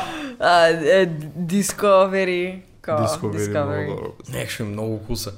А, Да, да, е, интрото ми е една од омилените ствари што ги јам чуела. Да, стварно е. Кога, Аз го- ни Икад. гледај. Предобро. кога го пушти фалмот и кога почна интрото, викам, брат, I'm, I'm in for a ride, онака. Да, кога да, малку да, мовка да. иде топ. Паже, ја ги знам Warpaint и многу ги сакам, ама го сакам поише оној... The да Fool. Да Fool. Ро, да. Да, фул ми се свигаше ептен и стварно го спамав као порано. И од овој албум го ја знаев само синглото на Lo- Love is to Die нешто како се вика. И кога ми го кога го почео дека тој е тој албум што што треба да го слушаме во ствари, бев кога аха, окей, ќе биде као повеќе на м, с- не сед, него помелодично нешто потакво, пошто Love is to Die е таква ептен. Да. Ми се свигат, не, топ е песната, али не, Али е- не е мислам дека- Warpaint-от што го знам. А мислам дека другите албуми са потажни од... од Е, па да, на крај на денот, да. кога го слушав цел албум, бев ко нема врска ова, ништо Да. што мислев за албумот дека ќе биде, стварно е предобар. Да. Пошто и е таков хајп, ко не е, не е толку мелодичен и е многу, особено со басот и со бубањот, кој ептен е хајп, кој ептен е... Е, пасот actually е многу добар. е Holy Да, fuck, колку е као добар. Джени е машина. Да. Много е добра. Да. Да, да, да, да, Fuck да, you, ти што да. лайв ги имаш чуен. И јас исто. И ти? Jealous, Каде? fuck you. Во Загреб Во бев. Загреб? Значи на исто да се видам? Стварно? А, не сме се виделе. Ја имам дома сет листата. Јас а, бев у прв ред и ни даде Тереза да се напиеме од виното нејзино.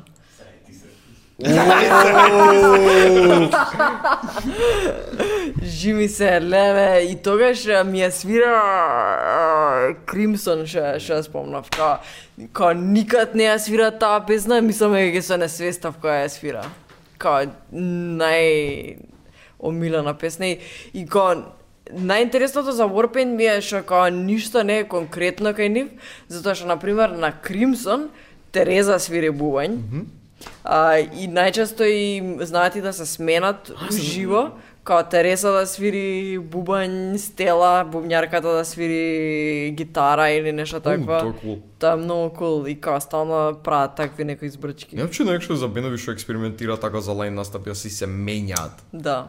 Да, многу кул. Да, тоа е стварно ретко. И, т- и тоа секогаш сум сакала ја да го да направам у бенд, као, као сакам да свирам на сцена бас и као да не свирам бубањ, као на една песна што ми е преинтересно.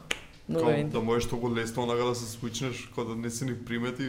Па да, е онака како да звучи екшели добро. И секогаш ми било тоа желба да го направам. Факи пробај го. Да. Доаѓа, онака одма доаѓам. Со Warpaint ми е, Keep It Healthy ми е предизвик на животот, као е многу таква песна. Многу е захтевна песна. Прво и е као многу е искршена, поготово за бубањ. А, Стела ми е една од омилените не само бубњарки, као бубњари, као топ 3, затоа што као прво звукот и мислам дека као многу големо влијание за како пристапувам и како размислувам и за звуки, за све као како звучи она која свири бубањ. Затоа тоа зборам кога кажувам звук. И, и тоа онаква самото самиот поем на Warpaint како бенд ми е многу поишо од као еј ми се свиѓа музиката, супер музика прават, туку е онака, знаеш, ги слушав која растев и која у периодот која сватив дека како сакам да го работам ова, сакам да бидам музичар. И ми е самото тоа што ги гледам дека се жени и онака како као дека можам ова, ова, као, онака ги гледаш и викаш као ова може да се деси, знаеш. И, и самото тоа као, као на некој начин као охрабрувачки и someone to look up to. Тоа, тоа ми биле секогаш мене. Тоа со сцената како actually кога размислам, нема женски тапанари кај нас. Кај нас... Па, Има, има. Не, од што знаем, Српски, бе. не за српски, окей, зборам за Македонија, за Скопје, да речеме, Па, тоа не тој знам, район. искрено. На Не ги вистина, знам. мислам дека ти си едината што ја знам како женски тапанар. Ја имам ам, као Тейка е исто бубњарка. Тейка многу се залага за као комјунитито на за за бубњари. Скопје Drum Talks она е еден од организаторите. сте? Ни треба тапанари па Да, да, да. Тоа е а, има не знам, има и и и, и, и порано на пример, не знам а, а не знам порано биле мојца, она е сега професорка Елена Чадиковска, ама мислам онака не се м, не у моментов бубњари, бубњари. Mm. А, не знам, не ми текнува сега моментов. на Е, бубњарки. со- мислам Мал дека број од- се. од Ју... Да. Оние, као... Па да, тейка, тейка. о- о, Таа е таму, сори? Да, да, да. Аха, мислам, да. И таа. не само женски тапанари, како само општо како тапанар како професија многу е ретко кај нас. Кај нас особено, да. Тоа што зборевме дека како има у македонската сцена како еден тапанар за 6 бенда. Да. Да. И сите го делат, да. Сите го делат човекот кој сите у исто место Делам свират. бубњар поволно. да, ама да ја е, д- држам часови и тоа многу ме радува затоа што као ко многу голем дел од тие што доаѓаат се уствари девојчиња. И м, затоа што и- е обратното од тоа јако одев на часови, зашто и ја бев како девојче и меѓу онака како сите машки што ида на бубњеви и се обратното и најверојатно знам дека е охрабрувачки момент тоа што како ја како д- девојче, како жена, што и да е, а, држам часови и охрабрувачки е како, аха, може ова, како, значи, можам јас ова да биде мојот избор. И Реално со сценава барем и у странство и такви се рекол нема веќе таква бариера што би рекол кај што еј да тапанар е како Па та професија не само би- за мажи. да, и не би знам, требало да биде, да. Пејачот е најчесто машко или гитаристот кој многу е рандом веќе mm кој што сака да свири си свири. да. Што е што е многу кул работа. А, што ги зборевме, ти ми ги покажа Маргаритас Подритас, Е, што се all girl band само гитаристот мислам дека како да машко. гитаристот е машко, да. Дали Actually, Warping многу се... Мислам дека Infinity што ги знам што се full Олгар. all girl band. Да. И, и јас знам уште едни Savages се викаат. О, ги знам. Да. Да. И мњарката и, и таму, но кол. Пеачката е, мислам, дека она баш некој што се издвојува, пошто е многу специфична. Ама да, и они се интересни. А, кој друг? Мислам дека има и други. Имаш уште едни што многу луѓе ми, ги- ми пратија као некој нивен настап, сега не ми текнува како се вика, зашто не ми текнува дека бубњарката, да, бубњарката беа као едно 10 души ми пишаа као еј, као ова личи на тебе. Ама не ми текнува како се вика сега. Еј, нема врска. Ај оди текна ке ке ни Да. кажеш ке ке ставим. А, Да. да, ама има, али Warpaint. Време ќе... да. Е, инаку Мартина и текна. Кај да почнеме епизодата, во тај таа минута да, се спомнува тај таа панарка, еве слика од неј, поведат. Дали си личат? Дали си Кажете ни во личат? коментари доле. Нека, дали си личат? Нека две секунди после. И кима 12 степени во Скопје. Може да иде у парк слободно, да што спореме пред сата буама. За Warpaint. За Warpaint, да. У принцип, а, self-titled е затоа што у моментот конечно се осеќа дека тоа е тоа. Тоа Ако ова е е составот. звукот Ка, на бендот, да. ова е Затоа тема. што тоа е првиот албум со Стела. А Стела е бубња. Стела е бубњарката, да. И исто е, мене исто м- Австралија или нешто. како? Оно беше во Австралија. Да. И кога Океј. И, и, и тоа е многу кул, не знам, а, мене има еден, едни сесии што се као Rough Trade Sessions, кај што ги свират и старите песни, например Majesty, е, свират, а, не ми текнува, свират многу песни, м, Burgundy, ја свират, не знам, не знам кои други, како? Baby, да, Billie Holiday ја свират Јо били холиде многу добра песна. ка и и и ка многу ми се онакви ка ка преубаво интерпретирани од страна на ка на стела и и онака како ги крева на тотално друго ниво и од тогаш као мислам дека ми се ка Тоа е нешто. ка што- сваќам зашо зашо го крстиле тој албум Warpaint. Тоа е нешто што примети фонма е како тапаните на на Да. самиот албум. Да. Како на интрото и втората песна кога некако слушав, вика, окей, Dream Pop, Reverb, Delay на китарата, она. Слушам тапани само, оу, чекај малце. Да. Ова е нешто посебно, ова е нешто ново. Она, А, новиот скала магазин. да. Новиот Можете Скала- да го купите Скала каде? Печатено издание, ова е првото издание, може да го купите на skala.mk. Така е. Sponsored by Скала. Да, јас да го држам. Buy our тогава. fucking stuff! Just buy it! Кога е тоа? Да е тука у очи.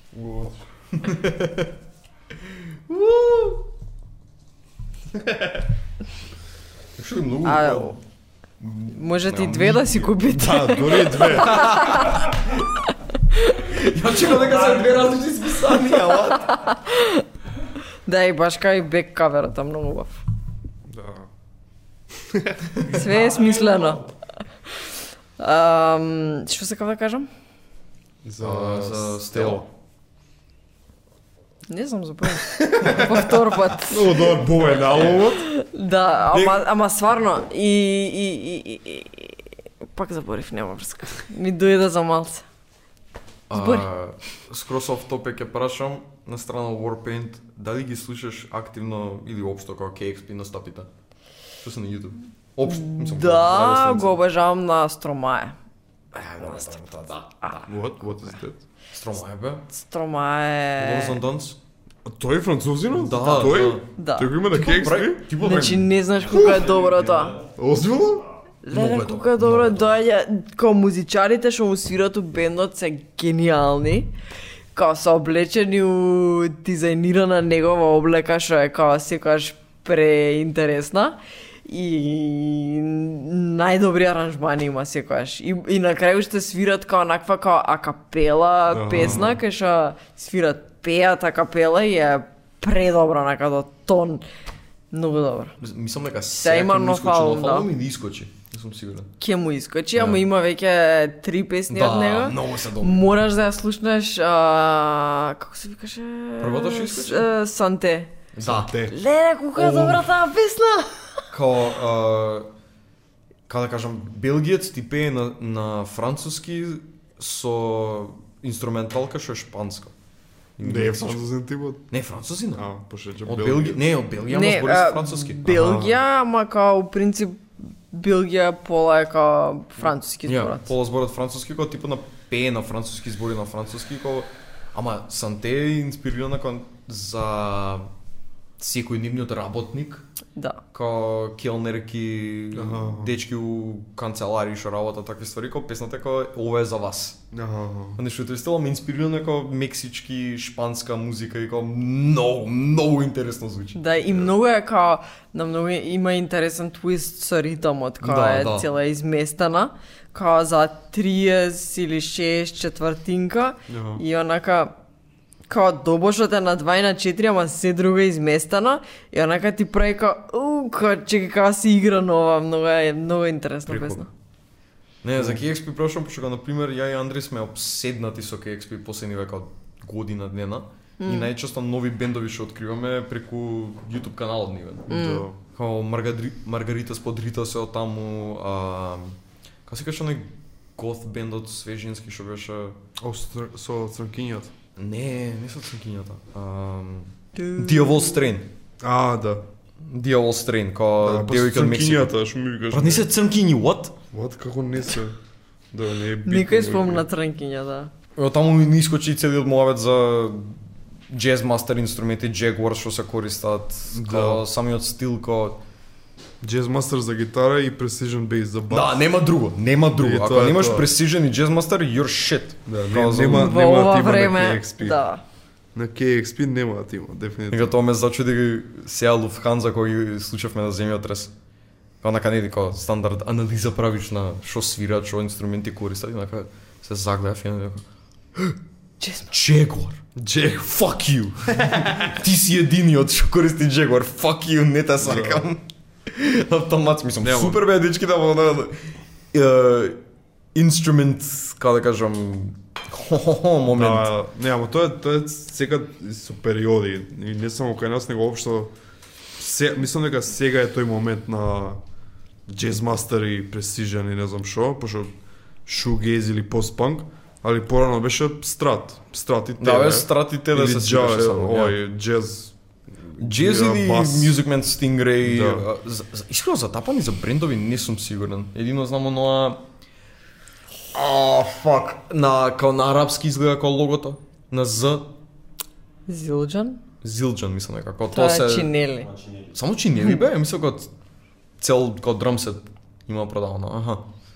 Пошто као многу Не. често Зилџан користат. Као Да. и на KXP и на, на Мислам други. дека за бубањ нема нешто као, леле, сега бубањ ова е, као, може би као винтидж, мислам дека поише е као со стилот на свирање што си доаѓа, мислам дека така и за гитари, ама нема врска, као, ако сакаш тако винтидж панчи саунд е као Лудвиг или, или а, Слингерленд или нешто такво, Као, ако сакаш такво као ептен напум, напумпан звук таков као R&B, хип-хоп е као поп може би дури е као DW. Pearl или, или Yamaha е, мислам дека е као се, у принцип. И не знам кои други има се. Греч?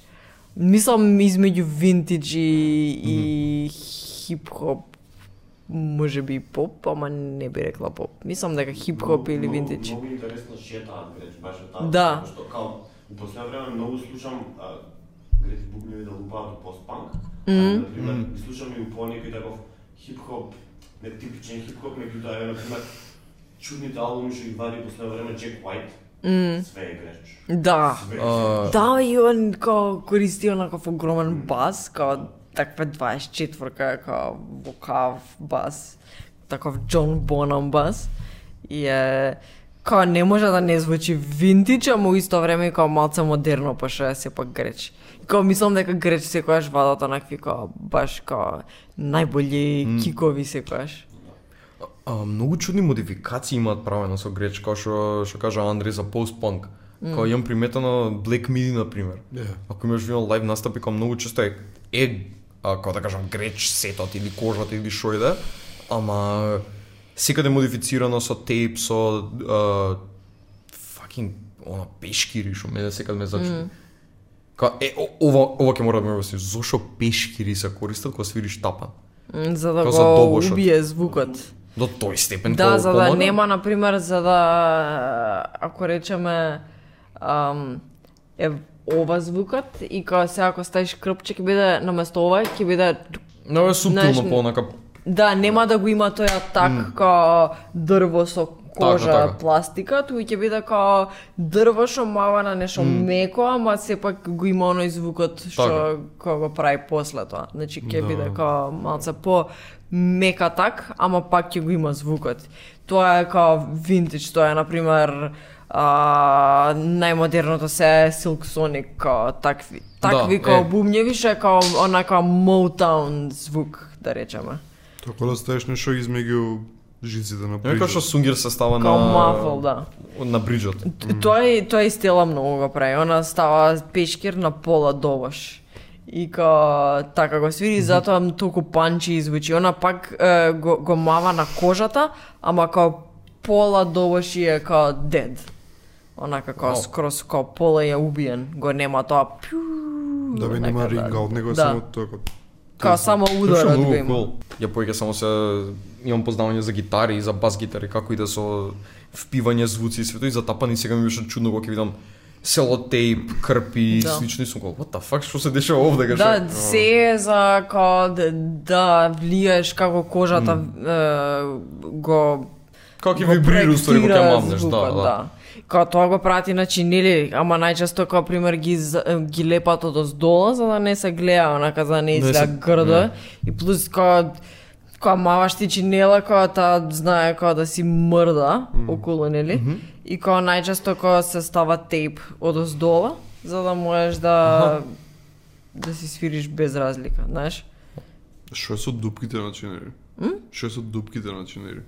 Кој некој чинели има крукчиња и Као сечени од леджи нив. дупки онакви. Да бе, и сече ко, знаеш, чинела и се Да, пече с имаме еден крукчиња. нов фус што е огромен, што има као дупки многу на него. Као, у принцип е да нема многу сустейн. Као да биде многу dry. Аха. Ама најчесто тие што имаат дупки чинели, кога ги прават малце да се подебели, за да можат кога да си ја задржат формата, у принцип. Ама тоа е, као да нема многу сустейн, да биде dry. Тоа Тоа го е маваш и целото. као Да. секунда и пол трае, секунда. Ја, као буквално замисли дека као таму кај што има дупки, таму се прекинува вибрацијата. Што звукот е Да, да, да. вибрација, нели? И сега ако има многу дупки, као таа вибрација многу побрзо ќе се искрши. Отколку, например, да би било као цела чинела и целата таа, као целиот метал да, да прави ззз и као ќе трае, као многу поише од тоа. Така со боен можеш многу поише да експериментираш за звукот и све. Yes. Што бас и гитара што може да може да сме жици. Не, за Колку- гитара, за бас гитара најчесто сунгира го ставаш да спречиш као системот ти, да. да, рингот ти, that's it. Ја. технички ако правиш грешки у свирење ти ги покрива грешките. Што е кул концепт, ама искрено го немам видно кај нас да се практикува воопшто. Ама сега ми текна свари бас и гитара имаш педали. Да. Като е каде каде Ја. поише знаеш експериментирање Прикривање. и прикривање и све. О, Мале, еден дали корд има? и цела песна ти. Дали можеш Да, да да. ставиш педали на пување? Можеш. Можеш, ама Да. кога на електричен или на акустичен? Да, да, на акустичен имам као многу добар пример за тоа. Као има еден многу луд бубњар што се вика Ден Мејо и као прави многу луда музика, као буквално само од бубњеви. Ова е све од педали. Ова све е звукот бување. Да. Да тоа е дабстеп што е ово, нема шанс. Озбилно? Много е добра. Како го правиш ова за бување? Семплинг као само што искача звукот ти го процесира по педалата. Да. Као има многу кул педали. А И чеки, многу си игра со као, нив. микрофоните што го звучуваат преку нифеп се педалите свири. Искрено не знам како му иде Ригот, пошо као е ретардиран. Брайан Брайан Чипендейл, Аха, бумјар од Lightning Bolt Band, се баси бубање само. а, И а, поише м, Многу е мрз. Поише Е, ќе бубањот. пуштам сега. Добре, добре.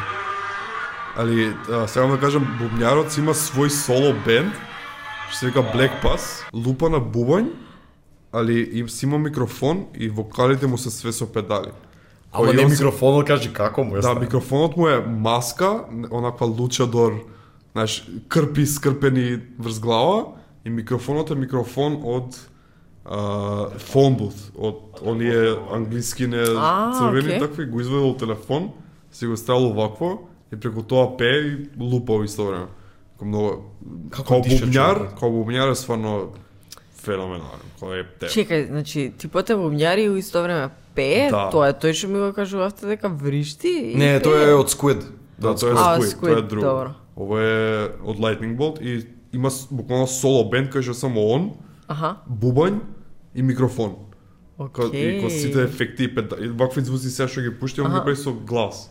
Најс. Много е... Да, и прати ми го. Некако. Тоа е, тоа е единствениот бенд Lightning Bolt кај што толку е величен бубњарот, мислам. Ко, бендот е noise, noise rock и као ако си ако с- свириш бас или гитара или с- или свеедно, ако го слушаш инструменталниот дел на на басистот, ќе бидеш као вау, пошто стварно е кога свири бас, а например на басот има а, свири петжичен бас, ама две жици му се од бенджо гитара. О, за, и, и тоа е само по себе кул, cool, и ако знаеш, те интересира тоа како си како вау, па што и начинот на кој што свири и рифовите што ги свири, али од друга страна бубњарот како толку е и, и да не си ништо, сакаш кога да да ги гледаш живо тие двајца, ко толку го стил до шоу онака бубњарот, Аха. од што толку има енергија и толку е како стварно е м, пред, не знам како да го објаснам. Не знам, немам збори, пошто стварно е многу добро. Толку. Мислам Да, заради ни взема тие октавер педал. Да. Чекај, а што пред другиот тип? А, бас. Бас. Бас и Само бубање. бас? Бас, ама со јела педали. И кој звучи на Shoegaze. ретардирано, буквално на моменти може да се замислиш дека е дабстеп. Од што такви звуци вади на басот, mm. кој имаш а, три дисторзија, онака една по друга и као тоа е тоа, цело време се упалени, едино мења, не знам, октавер или нешто и тоа е тоа. Да, е, мене ми е исто ретардирано, а, а што сакам да кажам? Нема како ќе се изморам, е, сите мисли ми се као, три секунди ми се присутни и после као, идат. Сега да кажам, а, Нейт Вуд е многу луд а, бубњар. Тој е као бубњар што у исто време свири бас и као свири синт и као а, као буквално прави песни у у моментот и многу е кул. А, друг е Луис Кол, не знам дали го знаете. Поза ми е многу. Луис Кол е... Па, Најбоље, Па, многу е добар, многу е добар, таков е. Соло... А, музичар. Па е бубњар, ама има ка ка неговиот проект е ка многу обширен и ка знае како да ангажира и ка 50 музичари онака ка за некоја негова трака да екзекютне или ка д- мислам дека главно има почната, не знам дали грешам, ама ка буквално прави видеа на YouTube. да. Тоа е тоа. И ка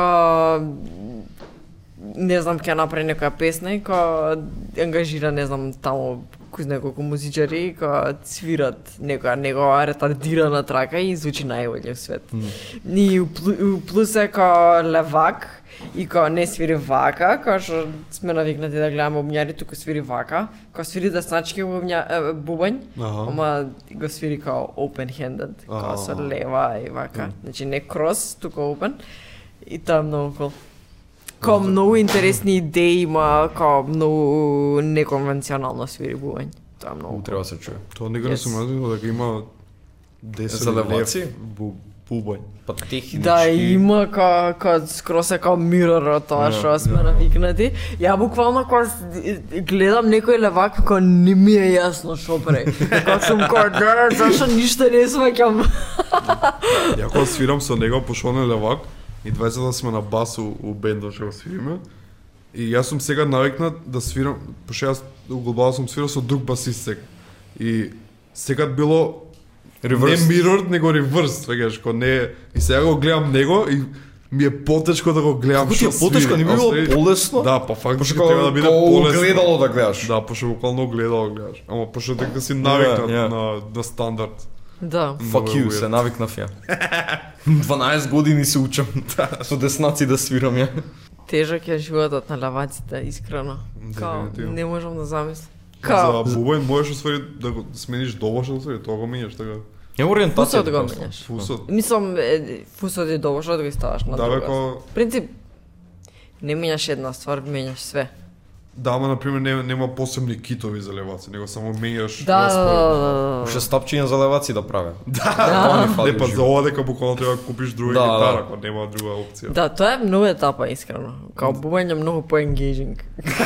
Не, но, е, имам пробудено како на десничарски сет да свирам и како скрос е окей да се навикнеш до Океј, некој да. начин. Или наопак, да речам кој и можемо да го пребацам само лево и како децет, како не се замарам, Да. ама за гитара е на вистина канцер кај што или уз- стилот на Thunderbirdот како мора да земеш десничарска гитара и да треба да ја подесуваш за левак или мора да фукнеш многу пари за левичарска гитара Да. пример у Македонија немаш гитари. Као левак, немаш. Мислам дека може да ги броиш на прст колку опции имаш као индивидуални гитари да купиш. Да, мислам дека општо за инструменти е у Македонија Да. така како имаш као the basics. Не, е, за Which бас is ги- cool, ама За бас гитара опциите ти се а, една, Fender. Squire, нема ни Squire. Fender, нема ни Fender, Squire гитара ќе си купиш и само една е за левак и само една у мими. And fuck you ако помислиш нешто Да, и- друго. и Да. Ја имаш ти. Ја таа ја имам веќе, пред 10 години ја купив и поеќе. Абе, Луја, зборевме за Warpaint, ништо не кажам. бе. Ти ни кажам. бе. Не, зборавме екшо за Борупен, мислам. Зашо Warpaint? А, мислам дека кажав, ка, мислам дека ми се покрај музичкиот дел ми се многу голема као охрабрувачки момент кај што као ги гледам и као нака као као разбирам дека као Оке, ова може да се случи и о, као нема везе што сум, знаеш, као може е као, као чудно од, од овој стендпоинт као ем, нема никакви пречки за мене, ама као кога растеш и кога не гледаш толку луѓе што го прават истото како тебе, ти треба као outside нешто што ќе така. те мотивира и, и Warpaint беа тоа што што мене ме ми кажа као аха као можам да да да најдам Така. сила да да го направам ова зашто као возможно.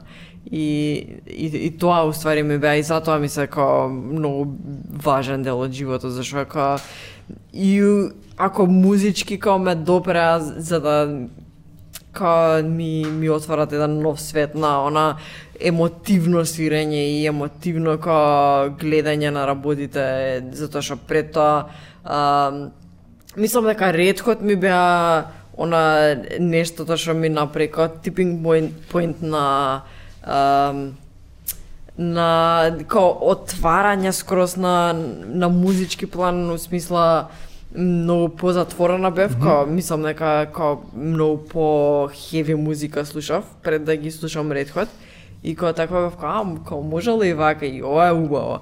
И кога ги открив и Warpaint ми беше као, ао, и чекај, овие се поврзани, ова е као све некако као као испреплетано и сите тие ситуации и као плюс е као девојки што као многу као као можам да се огледам на нив затоа што ми е многу убаво кога ги гледам, онака као одат на турнеја, свират на Коачела или свират на кој знае каде и прават албуми, и прават сесии кај што звучат предобро и, и као можат да го прават тоа и нема никаков проблем за тоа. ми е такво нешто што секогаш ми ми стоело, како нешто што ако некогаш изгубам перспектива во тоа што го правам, ми е секогаш се враќам на тоа и како тогаш ми текнува, аха, затоа з- заради ова почнав. Да. И мислам дека сите три албуми што ги издвоив ми се тоа. И by the way ми е као, аха, ова е чувството зошто сакам музика. Затоа што као ме, ме допира на овој начин. И In Rainbows ми е затоа као, аха, ова е тоа конкретното, ова е тоа најро што го осеќам јас во мене, што е онакво као огромно нешто што као едноставно го ко, без компромис го даваш кога правиш музика. Што е многу nice viewpoint. Да. Тоа беше нај онака подкаст реакција што имам направено во моја кариера, дека и после многу nice viewpoint. Да. Very nice. Се согласувам со тебе. Warpaint ќе валат нов албум, ше е многу кул. Да, сега у, у мај така. А, Warpaint, Red Hot, нов Уствари, албум. не знам дали мај... Не, а први април се Пеперс. Значи следна недела се Пеперс. У, озбило? Да. Кој искача епизода? Хе-хе, Чекај, чекај, ти рече 30 март дека ти е роден. да? така е. И мене исто. Ти си славите оно на кај Ти кога си? 12:00. Кој кој април? Yes. Тука негде. Ти која беше Овле. јули? Лето шема. Лето шема. 12 јули. Е, не знам, тоа е тоа, а? парк шема, сезона 2. Да, Yeah.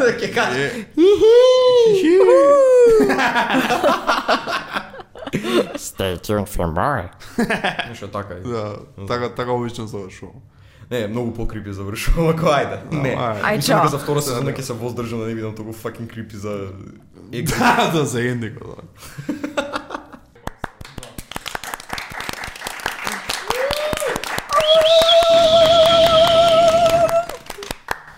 Можеше два-три албума да се Ај, Ќе ќе Ќе правиме. дојдам пак. Уште една епизода. Да. Да.